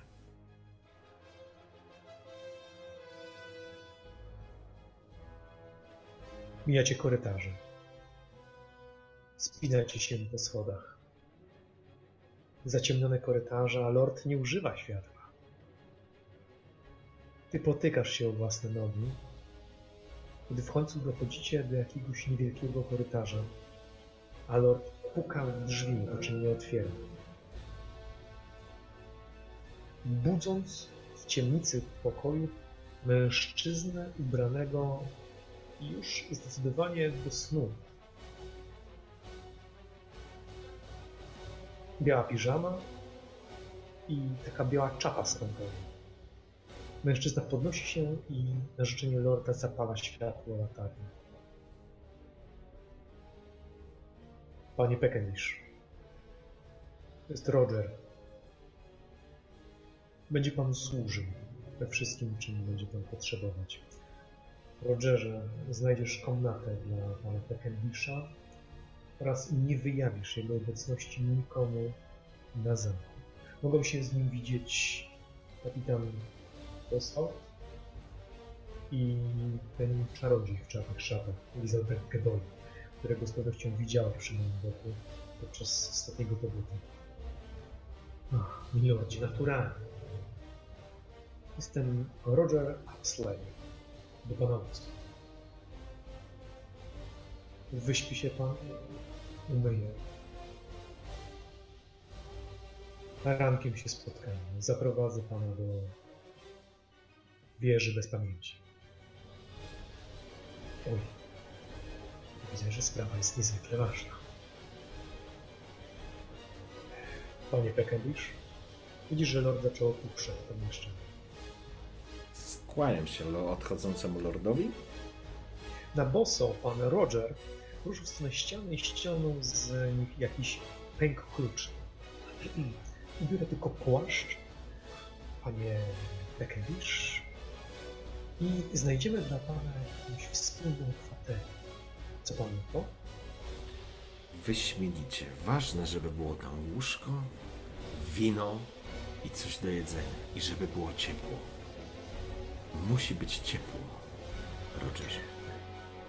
Z uwagi na pana charakter, gdyż jest pan tutaj incognito, jak rozumiem, e, wybierzemy dla pana troszeczkę mniej ostentacyjne pomieszczenie. Komnata jednak będzie wyposażona we wszystko, czego pan potrzebuje i wówczas przypomniałeś sobie swojego wuja, który tak samo potrafił opisywać e, lokum, w którym miał, miałeś e, żyć. Jednakże Roger nie kłamał. Po dwóch korytarzach, czterech zbrojach i jakimś zaspanym żołnierzu trafiliście do kończącego korytarz pokoju. Otworzył drzwi i zdjął klucz, wręczając ci. Gdy wszedłeś do środka z lampą, dostrzegłeś łoże, łoże z baldachimem, zielono-szafirowy dywan, kominek, duży kominek, w którym nie jest napalone, podwójne wiktoriańskie okno, balkon ośnieżony, kolumnę, dwie, trzy drzwiowe szafy, komodę, skrzynię. E, i chyba najmniej okazały ze wszystkich e, katajski parawan. Fantastycznie. Cudownie. Usiadłeś od razu na łóżku, zrzucając torbę, wchodząc w, oczywiście w zaśnieżonych i ubłoconych butach. A mm, Roger zatrzymał się przed tobą i czeka, kładąc jednocześnie dzwoneczek. Domyślam się, że nie będzie potrzebny, patrząc po zmęczonej twarzy. Jednak postaram się przygotować kąpiel oraz jedzenie i wino i strój. Prawda? Tak, i Rogerze, napal jeszcze w kominku. Po czym kładę się tak, wiesz, na wyrok. Zrobię to jako pierwszy, paniczu. Zostawiam do Pana dyspozycji klucz. Czy życzy mi Pan sobie, żebym ustawił przed drzwiami kogoś uzbrojonego? Myślę, że odpowiada mu teraz chrapanie. Obudził Cię dźwięk wprowadzonej bali. Gorącej bali, w której już została naniesiona woda. Balia jest drewniana, kominek jest napalony. A Roger stoi obok Ciebie z ręcznikami. Mężczyźni wychodzą bez słowa. Cudownie. Oczywiście są to jakiś służący. Cudownie. Od tego Pomogę panu się rozebrać. tu już sobie powinien mu poradzić. Dziękuję, Rogerze. Patrzę tylko, czy jest karawka z winem. Jest na specjalnym takim drewnianym e, stoliczku, który wkłada się do bali. Uśmiecham się szeroko. Wyśmienicie, wyśmienicie. Zrzucam się te Ręcznik, mhm. łachy. Ręczniki leżą tutaj. Podał ci również szlafrok. No, szlafrok jest wykonany z atłasu, ciężki, ale ciepły. Również są złożone stroje, czy nowa koszula nocna, spodnie, e, czy botworty, buty dobrane raczej prawdopodobnie mm, takie trzewiczki, powiedziałbym.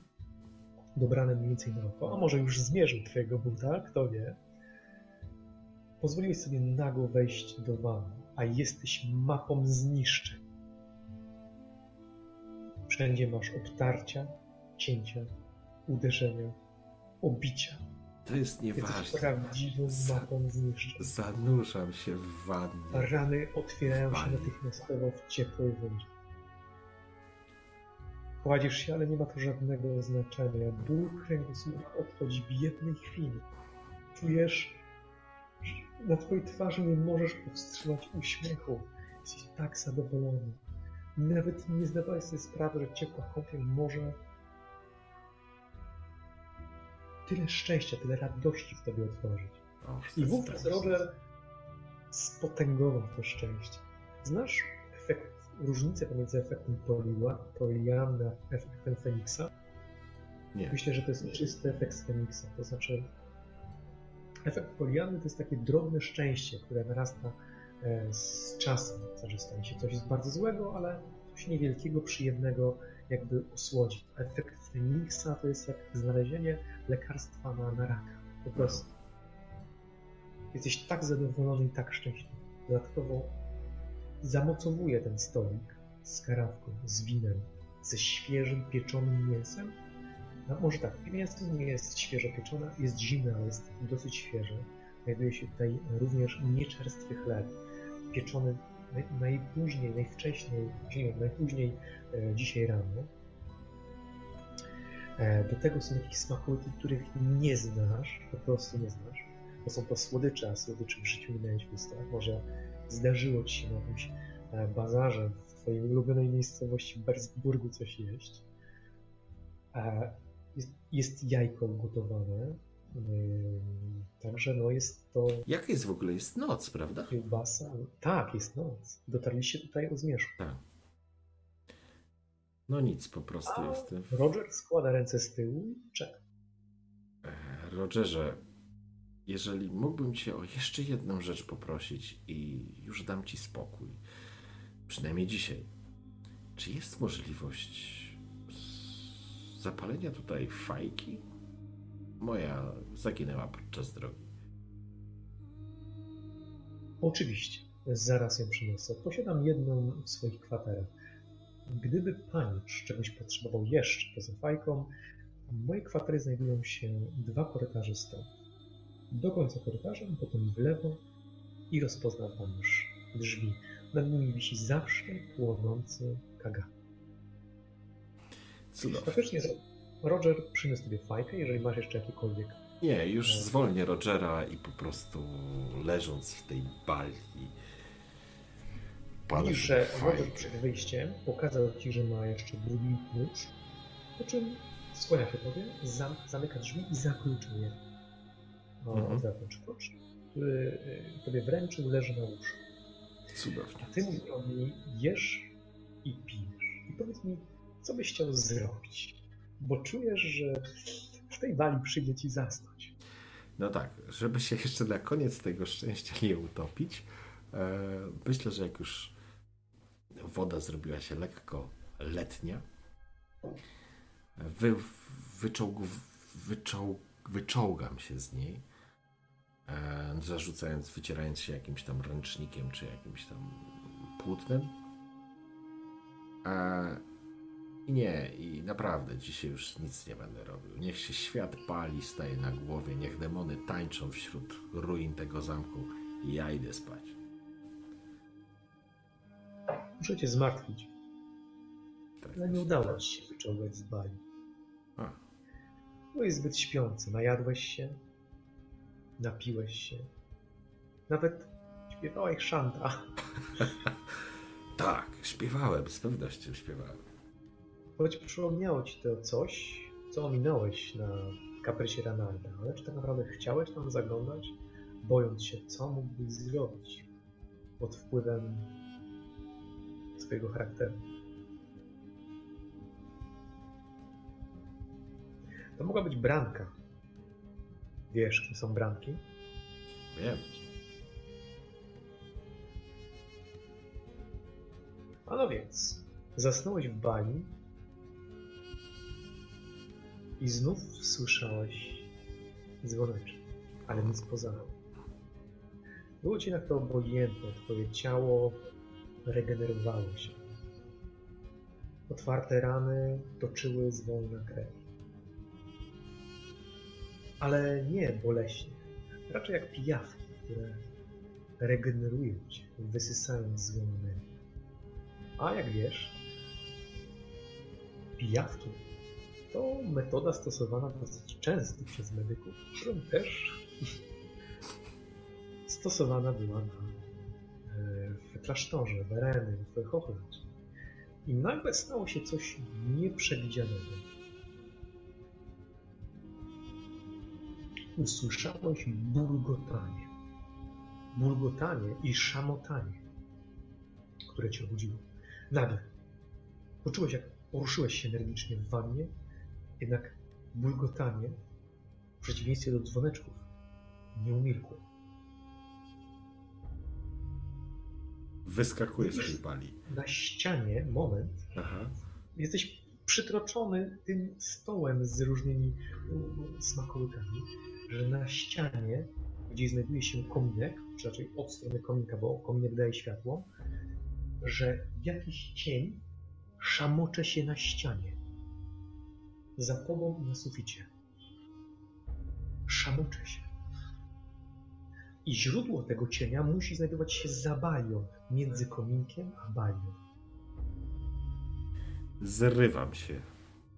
Zrywam się stając twarzą w stronę postaci czegoś, co rzuca ten cień. Podnosisz się, zrzucając stolik z przedmiotami, z jedzeniem. Karawka upada, bochenek się zsuwa, cer wystrzeliwuje w powietrze. Dostrzegasz na ziemi oświetloną, oświetloną e, tym em, paleniskiem, światłem padającego z kominka, kobietę ubraną, ubraną w rozchełstany dublet, pod którą znajduje się biała koszula. Kobieta leży na ziemi, wije się na ziemi, rzuca się na ziemi, trzymając się za gardło, walcząc z czymś niewidocznym. Rude włosy lokowane rozrzucone są po całej twarzy. Dławi się i dusi. Gęga i stęka. Bulgocze. Ale u mnie w pokoju? U ciebie w pokoju. Widzisz, że traci siły. Podbiegam tam. Wyskakujesz z nagi z tej bali, podbiegasz, stajesz nad nią i widzisz, że ona zaczyna drętwieć. Wyciąga w twoje czy ręce i dostrzegasz brązowe oczy. Widzisz, że dostrzegasz brązowe oczy wpatrzone w ciebie. Ona wyciąga rękę i trzyma linę, która oplata jej szyję. A lina się zwija, kręcając coraz mocniej. Próbuję schwycić tą linę i ją rozluźnić. chwytasz za, za linę, za, która po prostu tam się supłała wokół niej i nagle widzisz, że lina automatycznie ją puszcza, odwiązuje się sama z siebie i zawiązuje ci się wokół ręki. Ale dławi się na ziemi, dusząc się. Spoglądasz na linę, ona wolno, delikatnie wije się wokół twojej ręki i torsu. Ale, nagi. Ale czy ona mnie w jakiś sposób splata, unieruchamia, czy Tak. Nie, nie wydaje ci się, robi to delikatnie, wręcz czule. Po czym rozczapiżony koniec wysuwa się wokół twojego torsu i spogląda swoim rozczapiżonym końcem w stronę dziewczyny czy kobiety. I rozpoznajesz tą minę. Doskonale rozpoznajesz tą minę. Wcześniej nie przypatrywałeś się jej tak dokładnie, to był zwykły sznurek. To był sznurek związujący twoje książki. O kurwa. Sięgam po szlafrok. Narzucam na. Sięgasz po szlafrok i ukrywasz linę pod szlafrokiem razem ze swoim ciałem. Obracasz się w stronę worka i dostrzegasz, że twój worek jest otwarty, a książki są rozrzucone. Kobieta się dusi nadal, ale zwolna się podnosi. Biorę las, biorę swoją laskę. Mhm. Nie widzisz, że miała jakąkolwiek broń przy sobie. A, ale ja biorę swoją laskę. Mhm. Tak wskazuję na nią. Kim jesteś? Co robisz w moim pokoju? Wody. Daj mi wody. Kim jesteś? Zamknij się. Daj mi natychmiast wody.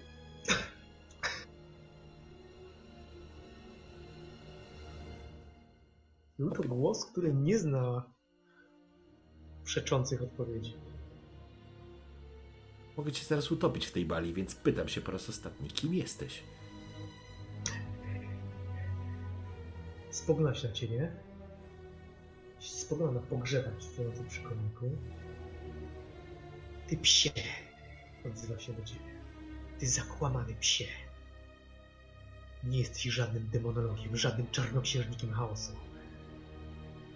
Jesteś pajacem. Czy ja znam tą osobę? Widziałem ją Nie. kiedyś? Nigdy. Jest, jest delikatnie obgorzała słońcem, delikatnie opalona, brązowe oczy, piękne rude włosy, mały biust. Jest, jest śliczna, nawet teraz. Słuchaj, e, ja wiem, że to szalone, ale czy ja mogę w jakiś sposób, nie wiem, mm, kontrolować ten sznur? Nie wiesz. Dobrze, to e, myślę sobie, wydaję w myślach polecenie, żeby sznur ją splątał, spętał. Nie dusił, tylko spętał. Dobrze? Z siły woli. Boże, niech chociaż raz mi wyjdzie. Ho, ho, jestem mistrzem tego sznura. Sznur wyskakuje spod twojego rękawa szlafroka i chwyta ją za ręce i nogi. Łapie i obwiązuje ją. Ona próbuje się szamotać, ale bezskutecznie. Puszczaj, słyszysz? Puszczaj natychmiast! Opieram, To coś zejdzie z niej. opieram się o lasce. Jeśli tylko nie puścisz, zabiję ci. Obiecuję ci, że cię zabiję. Oczywiście, że nie jestem demonologiem. Jestem zwyczajnym obywatelem imperium. Kim jesteś, dziewczyno? I radzę ci nie kłamać. Kimś, kto ci obnaży i skończy szaleństwo mojego ojca.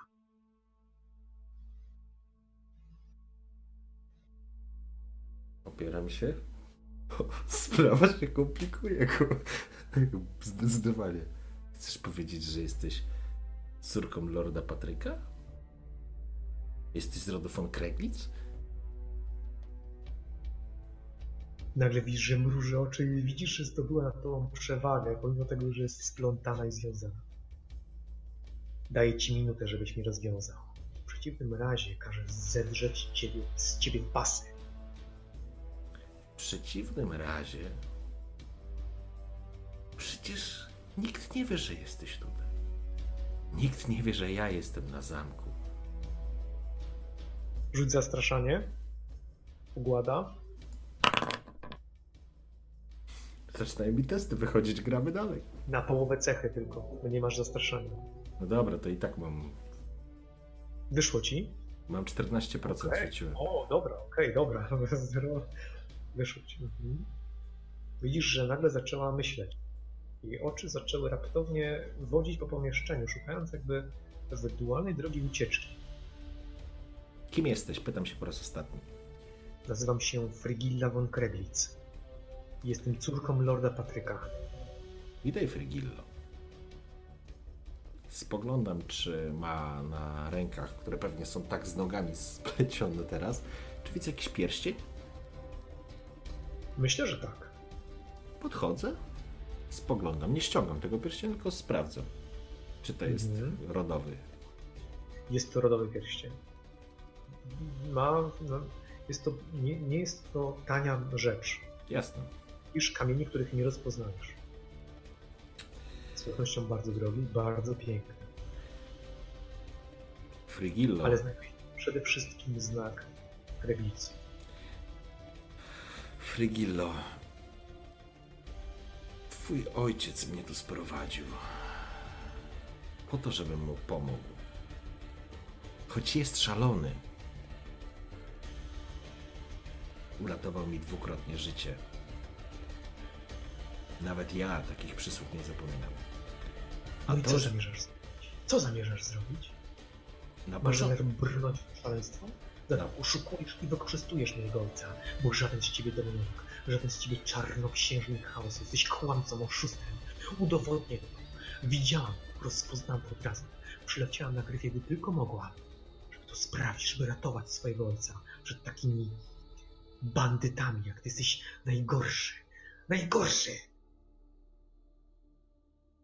Myślałem, że porozmawiamy jak cywilizowani ludzie. A ty mnie oskarżasz. Chciałem zacząć od tego, żeby cię uwolnić, ale teraz nie jestem pewien. Czy Nie tak dyskutuję z takimi zrobić? łgarzami jak ty. Obcinam im języki. Nawet w takiej pozycji. Moment. Rzuć proszę inteligencję.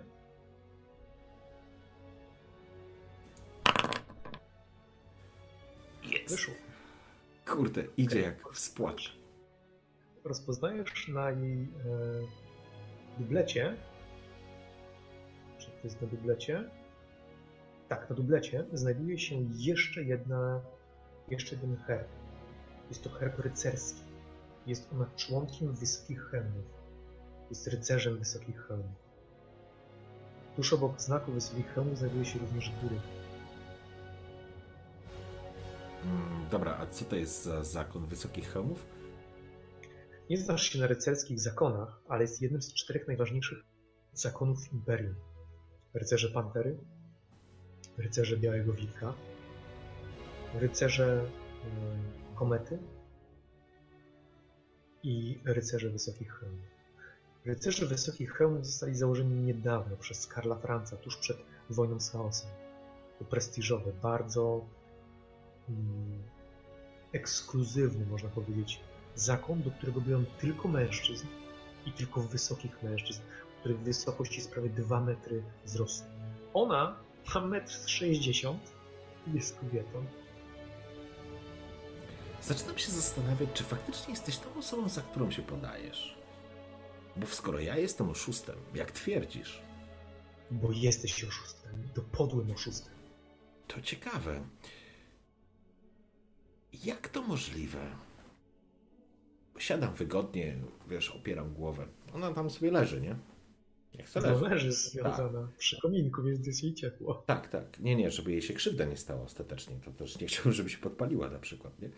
E, jak to możliwe, że zakradasz się do pomieszczenia, w którym teoretycznie mnie nie ma? Skąd wiesz, że tu jestem? Skąd podejrzenia, że jestem demonologiem? Dlaczego chcesz mnie zdemaskować, skoro nim nie jestem? A na końcu wytłumacz mi, jakim cudem kobieta jest członkiem zakonu wysokich hełmów. Bardzo dużo pytań.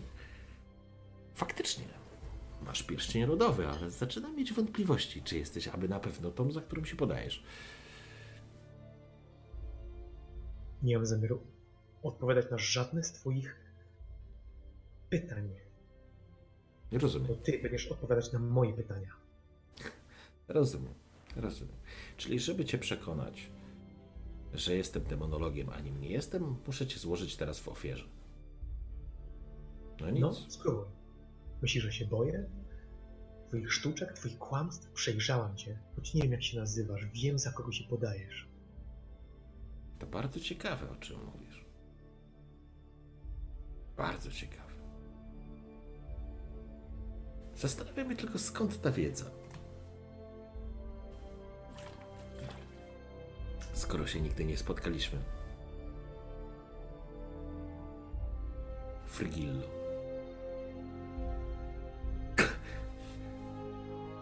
Spogląda się na ciebie gniewnie, a ten gniew dodaje jej niezwykłego uroku i urodu.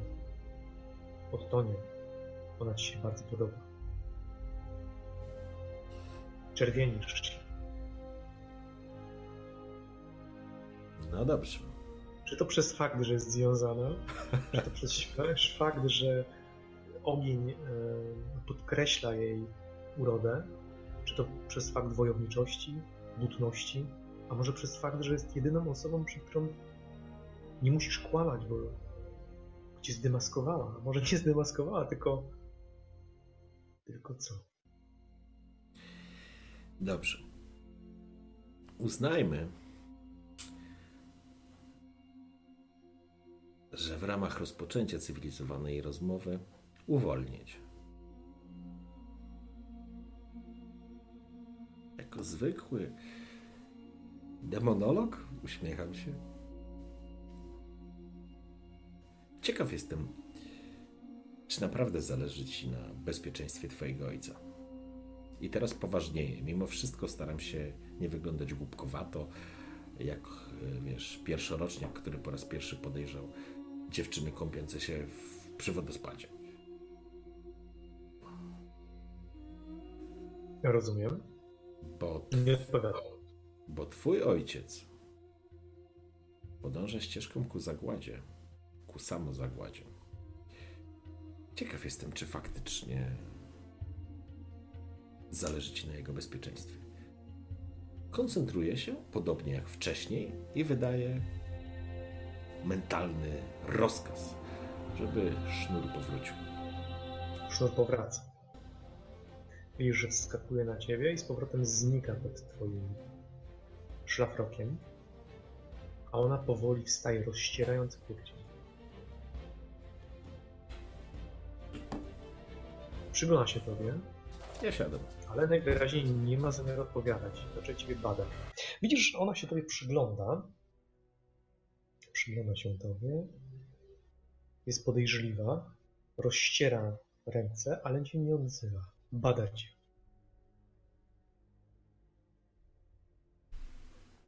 Frigillo.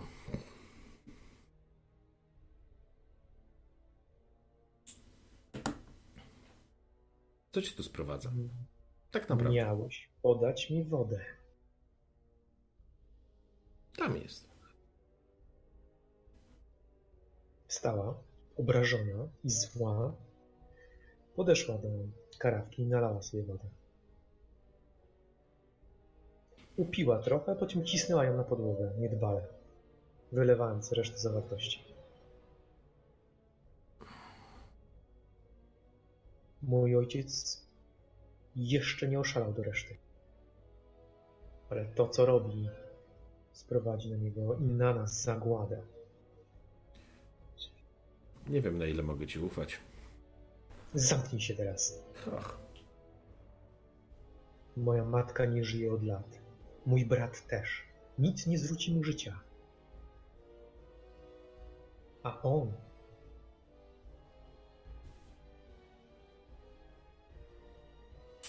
Zapomniał o swojej roli, zapomniał kim jest.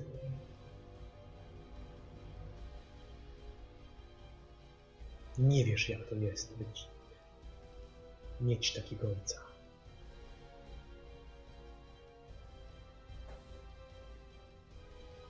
I czy ty możesz patrzeć w lustro, wiedząc, że oszukujesz chorego człowieka? Wykorzystujesz jego naiwność jak ten apologeta. Karnisz się jego szaleństwem. Kim ty właściwie jesteś? Bo na pewno nie demonologiem. Skąd to przypuszczenie, że w ogóle jestem demonologiem? Mój ojciec uwolnił cię z celi, z najwyższej wieży. Jak myślisz? Zastanów się. Bo głupi przecież nie możesz być. Ojciec by się na tym poznał i szybko ciebie. Szybko by się ciebie pozbył. Moja ciotka. Księżna Eliza. Jestem jej spadkobierczynią. Spadkobierczynią również tego, co znajduje się na zamku Schloss. Gdyż mój wuj, Gustaw, nie ma dzieci.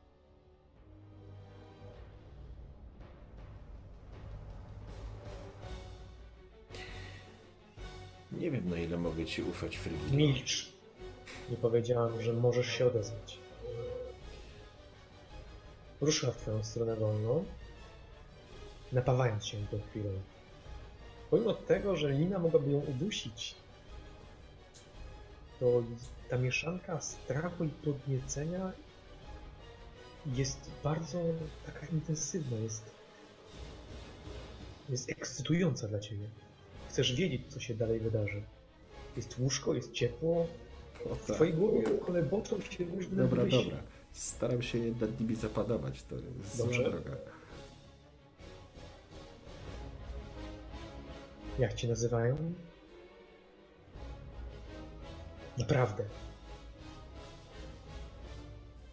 Bo przecież nie Jorland Pekendish. Dużo wydajesz się wiedzieć.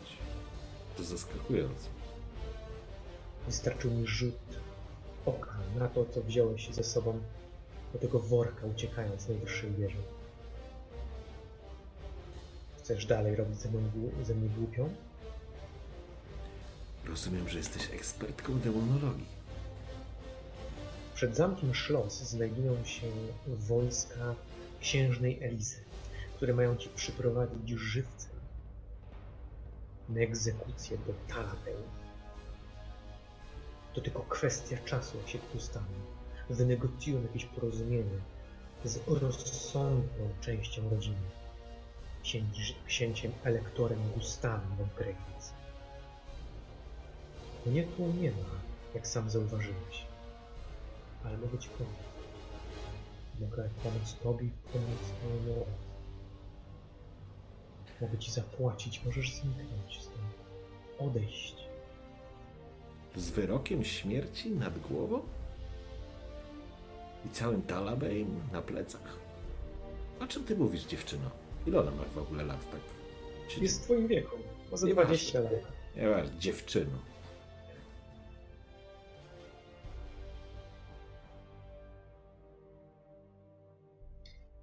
Skoro nie jestem demonologiem, to kim jestem? Całe Talabeim by się pomyliło? Wielki Inkwizytor by się pomylił? Wszyscy by się pomylili, tylko jedna Frygilla von Kreglitz.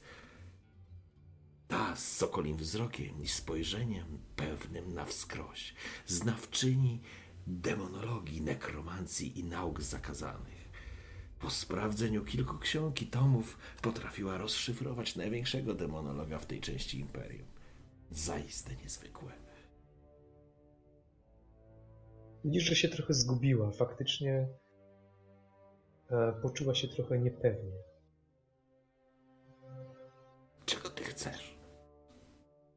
I skąd wiesz?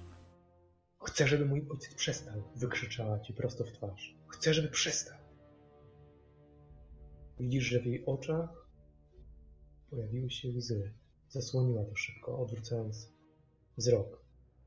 Tak, że włosy i cienie zrobiły swoje. Nie tylko ty. Siadam. Nie tylko ty.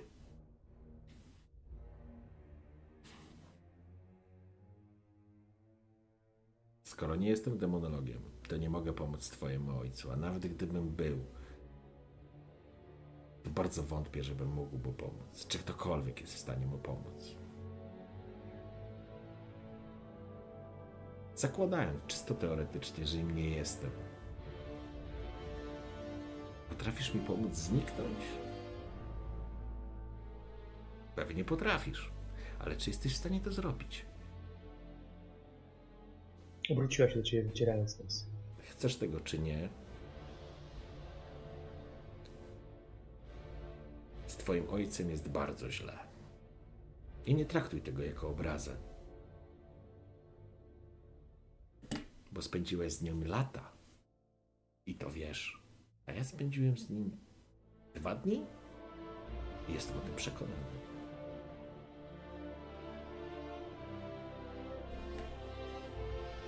Nie mam zamiaru cię o nic prosić. Ale nie musisz mnie o nic prosić.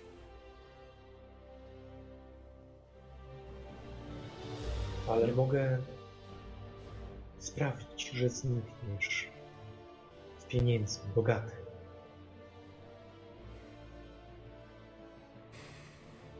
To nie jest kwestia tego, że zniknę z bogaty, z pieniędzmi. Jak stąd mam zniknąć? Rozpłynąć się? To tak nie działa. Sama mówisz, że pod murami są wojska elektorskie. A twój ojciec? Z nim naprawdę jest niedobrze. I to już nawet nie chodzi o psychozę, w, której, w którą popadł. Ale on ma zdecydowanie więcej problemów. I coraz więcej wrogów. Dobrze. Więc oszukuj go. Ale Studiuj te swoje nic nie warte księgi. Ale zobaczysz, jeszcze będziesz mnie prosić o pomoc. Kiedy wszystko wyjdzie na jaw. Bo wtedy, wtedy, kimkolwiek jesteś, zapłaczesz, gdy mój ojciec będzie cię torturował. A będzie.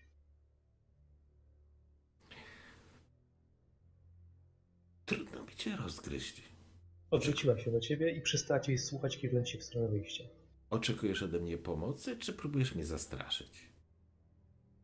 Dałam ci szansę. A, Nie chcesz skorzystać. Więc twoja królewska, Zobaczysz. elektorska Od- łaska odwróciła już się ciebie, kończy. Pogroziła ci palcem, pokazując na ciebie i powiedziała: Obnażę cię. Obnażę, kim jesteś. Powiem wszystkim, że nie jesteś tym, za kogo się podajesz. Podchodzę zdecydowanie. Podchodzę zdecydowanie. Zdecydowanie podchodzę. Sięgnęła w tym momencie pogrze pogrzebacz, gdy tylko zaczęłeś się zbliżać. Idę dalej. Podchodzę do niej. Nie, po prostu chcę ją złapać. No ale ona cię zdzieli pogrzebaczem. No tak, coś w tym jest. Dobra, jest Lida. Lida. Jest lina, oczywiście. No, Lina jest znowu, znowu zaatakować ją liną. Tak, y, nie zaatakować, tylko po prostu spętać jej rękę. Zaatakować, no to jest jako atak. No No dobrze. dobrze, tym razem, tym razem jest przygotowana. Nie no, sięga po, na- pogrzebacz. chwyciła za pogrzebacz. Dosyć zwinnie. Nie jest tak jak ty, nieprzygotowana do walki. Znaczy, pewnie jest, nie ma pogrzebacz, ale no mimo wszystko jest, jest osobą przeszkoloną, to widać. Mhm. Zatrzymuj. za pogrzebacz.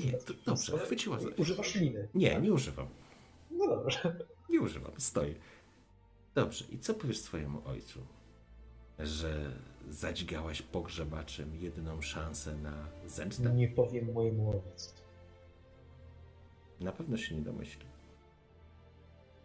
Powiem mojemu wujowi, prawowitemu, księciu elektorowi na zamku Szlos, od którego wszystko zależy, a jego umysł nie jest zmącony i nie da się oszukać. Staję, Ratuje ci życie, życie głupcze. staję do niej tak, wiesz, stoję naprzeciwko niej. No, stoisz, no, mam pogrzebacz wyciągnę do No ja rozumiem, rozumiem. Sto- Nie zbliżasz się. Tak, Mhm. tak. ja- Chcesz mi powiedzieć, że o wszystkim decyduje twój wuj, który jest niezmącony i ma absolutną władzę w tym miejscu i może zrobić wszystko, na co mu przyjdzie ochota. To zatem ci jedno pytanie. To dlaczego nie zrobił tego lata temu, kiedy widział, jak jego brat, jak rozumiem, to jest jego brat, ech, popadał w szaleństwo? Bo on nic nie rozumiesz. Nie znasz naszej rodziny. No, robi się coraz bardziej ciekawa, muszę przyznać. Ale może to jest kłopot wszystkich wielkich elektorskich rodów. Dobrze, co mi proponujesz? Siadam. Bo mnie interesuje tylko jedno. Oczyszczenie mnie z wszelkich zarzutów. Mogę to sprawić. Brzmi nieźle. A jak chcesz to Poleć zrobić? ze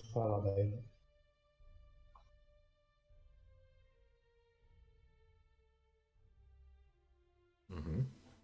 I co? Księżna Liza jest mi życzliwa. Obronię cię. Oczyszczę cię z zarzutów. z całym szacunkiem do Twoich możliwości i relacji z księżną Elizą, ale jak rozumiem, jej wojska stoją właśnie pod murami tego zamku. Nic nam nie grozi na skrzydła gryfa. Arbiter zaniesie nas prosto do najwyższej wieży. Ja już byłem w najwyższej wieży. Powiem Ci, że Teraz jest... będzie inaczej. Będziesz ze mną.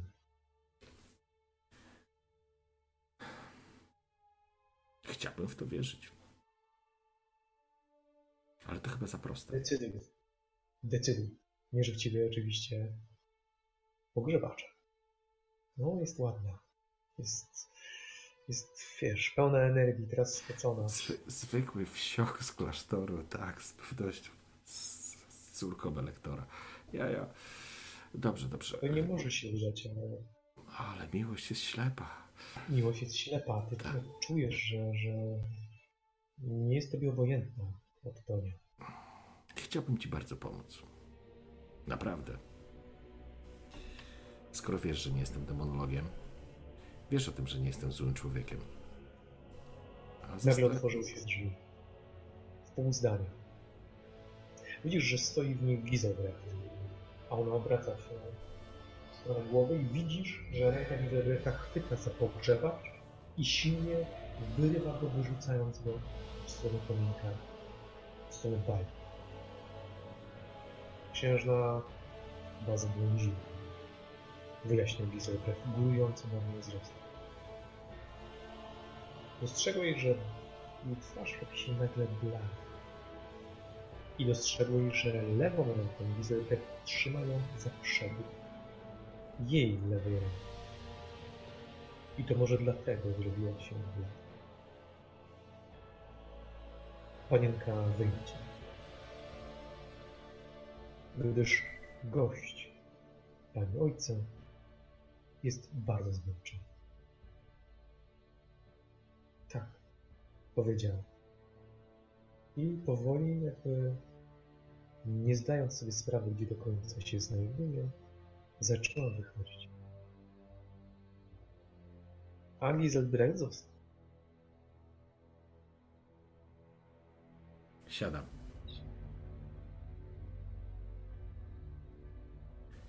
On przymyka wolno drzwi, przyglądając się, czy faktycznie Frigilla odchodzi.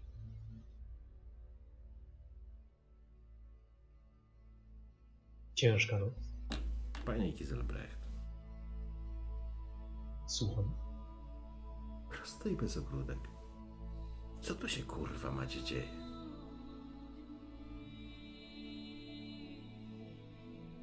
Tak jak konfrater z konfratr, zakładając, że różne szkoły reprezentujemy.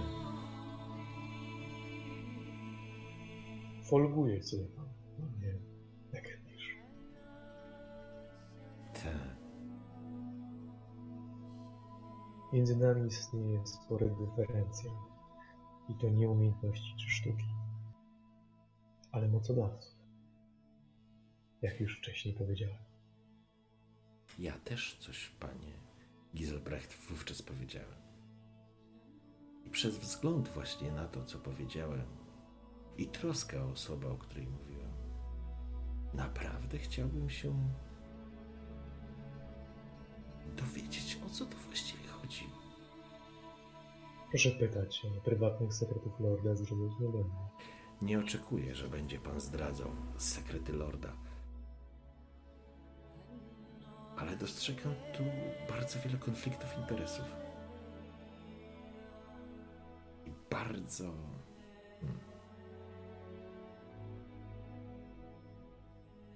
Trudną sytuację Lorda.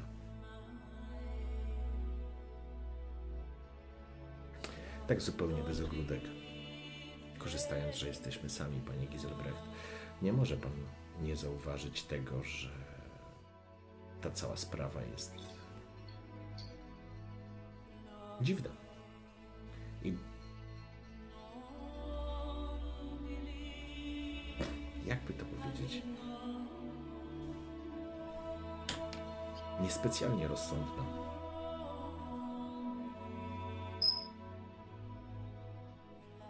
Panie Bekendisz, został pan zatrudniony na umowę o dzieło. Uśmiecham się, oczywiście. Ma się pan tylko wywiązać z jednej rzeczy. Sprowadzić to szkaractwo. Nic więcej. Ja rozumiem. Lorda nie interesują pana przewinienia, których się pan dopuścił. Nie wybaczy ich panu, ale są dla niego rzeczy ważniejsze i jest gotowy przymknąć na nie oko. Bo książę za cenę swojego dziecka jest gotowy widzieć świat w płomieniach.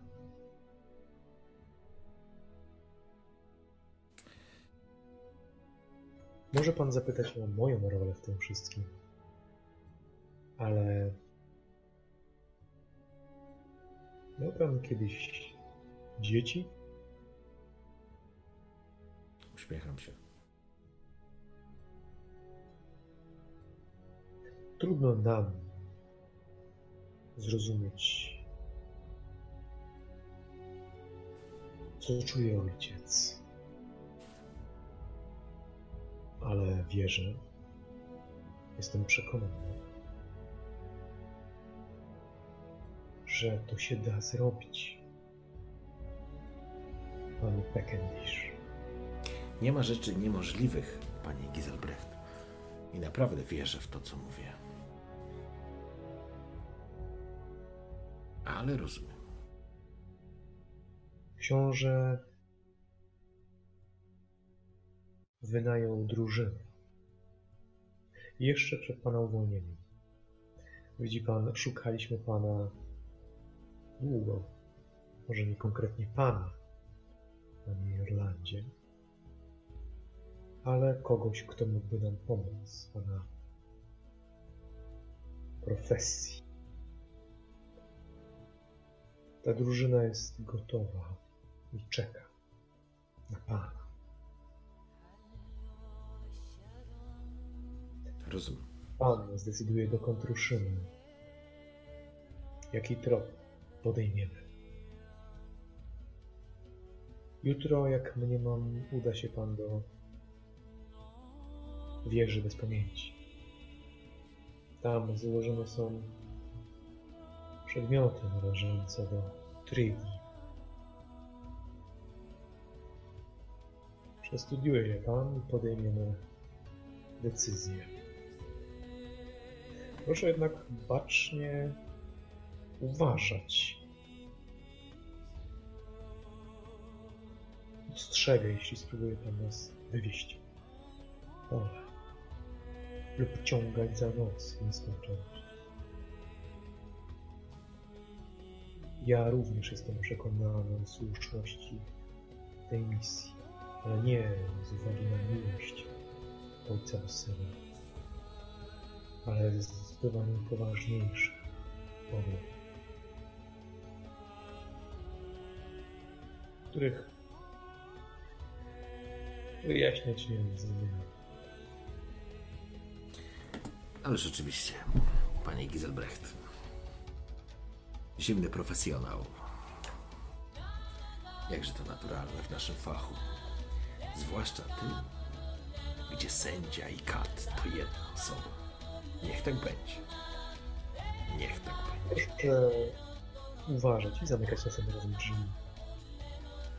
Drzwi były zamknięte, panie Giselbrecht, i bardzo mi zastanawia, skąd księżna wiedziała, że tu jestem. Ten zamek jest stary. Ma przeciągi. Proszę uważać. Ach, i zapomniałem.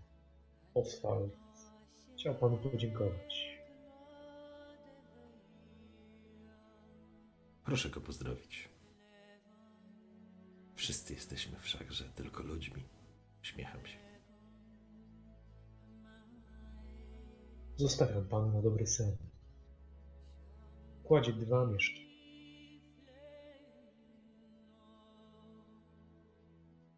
Panie Peckendish? Panie Giselbrecht? Otwiera drzwi, odwraca się w tę stronę i zamyka, patrząc na ciebie.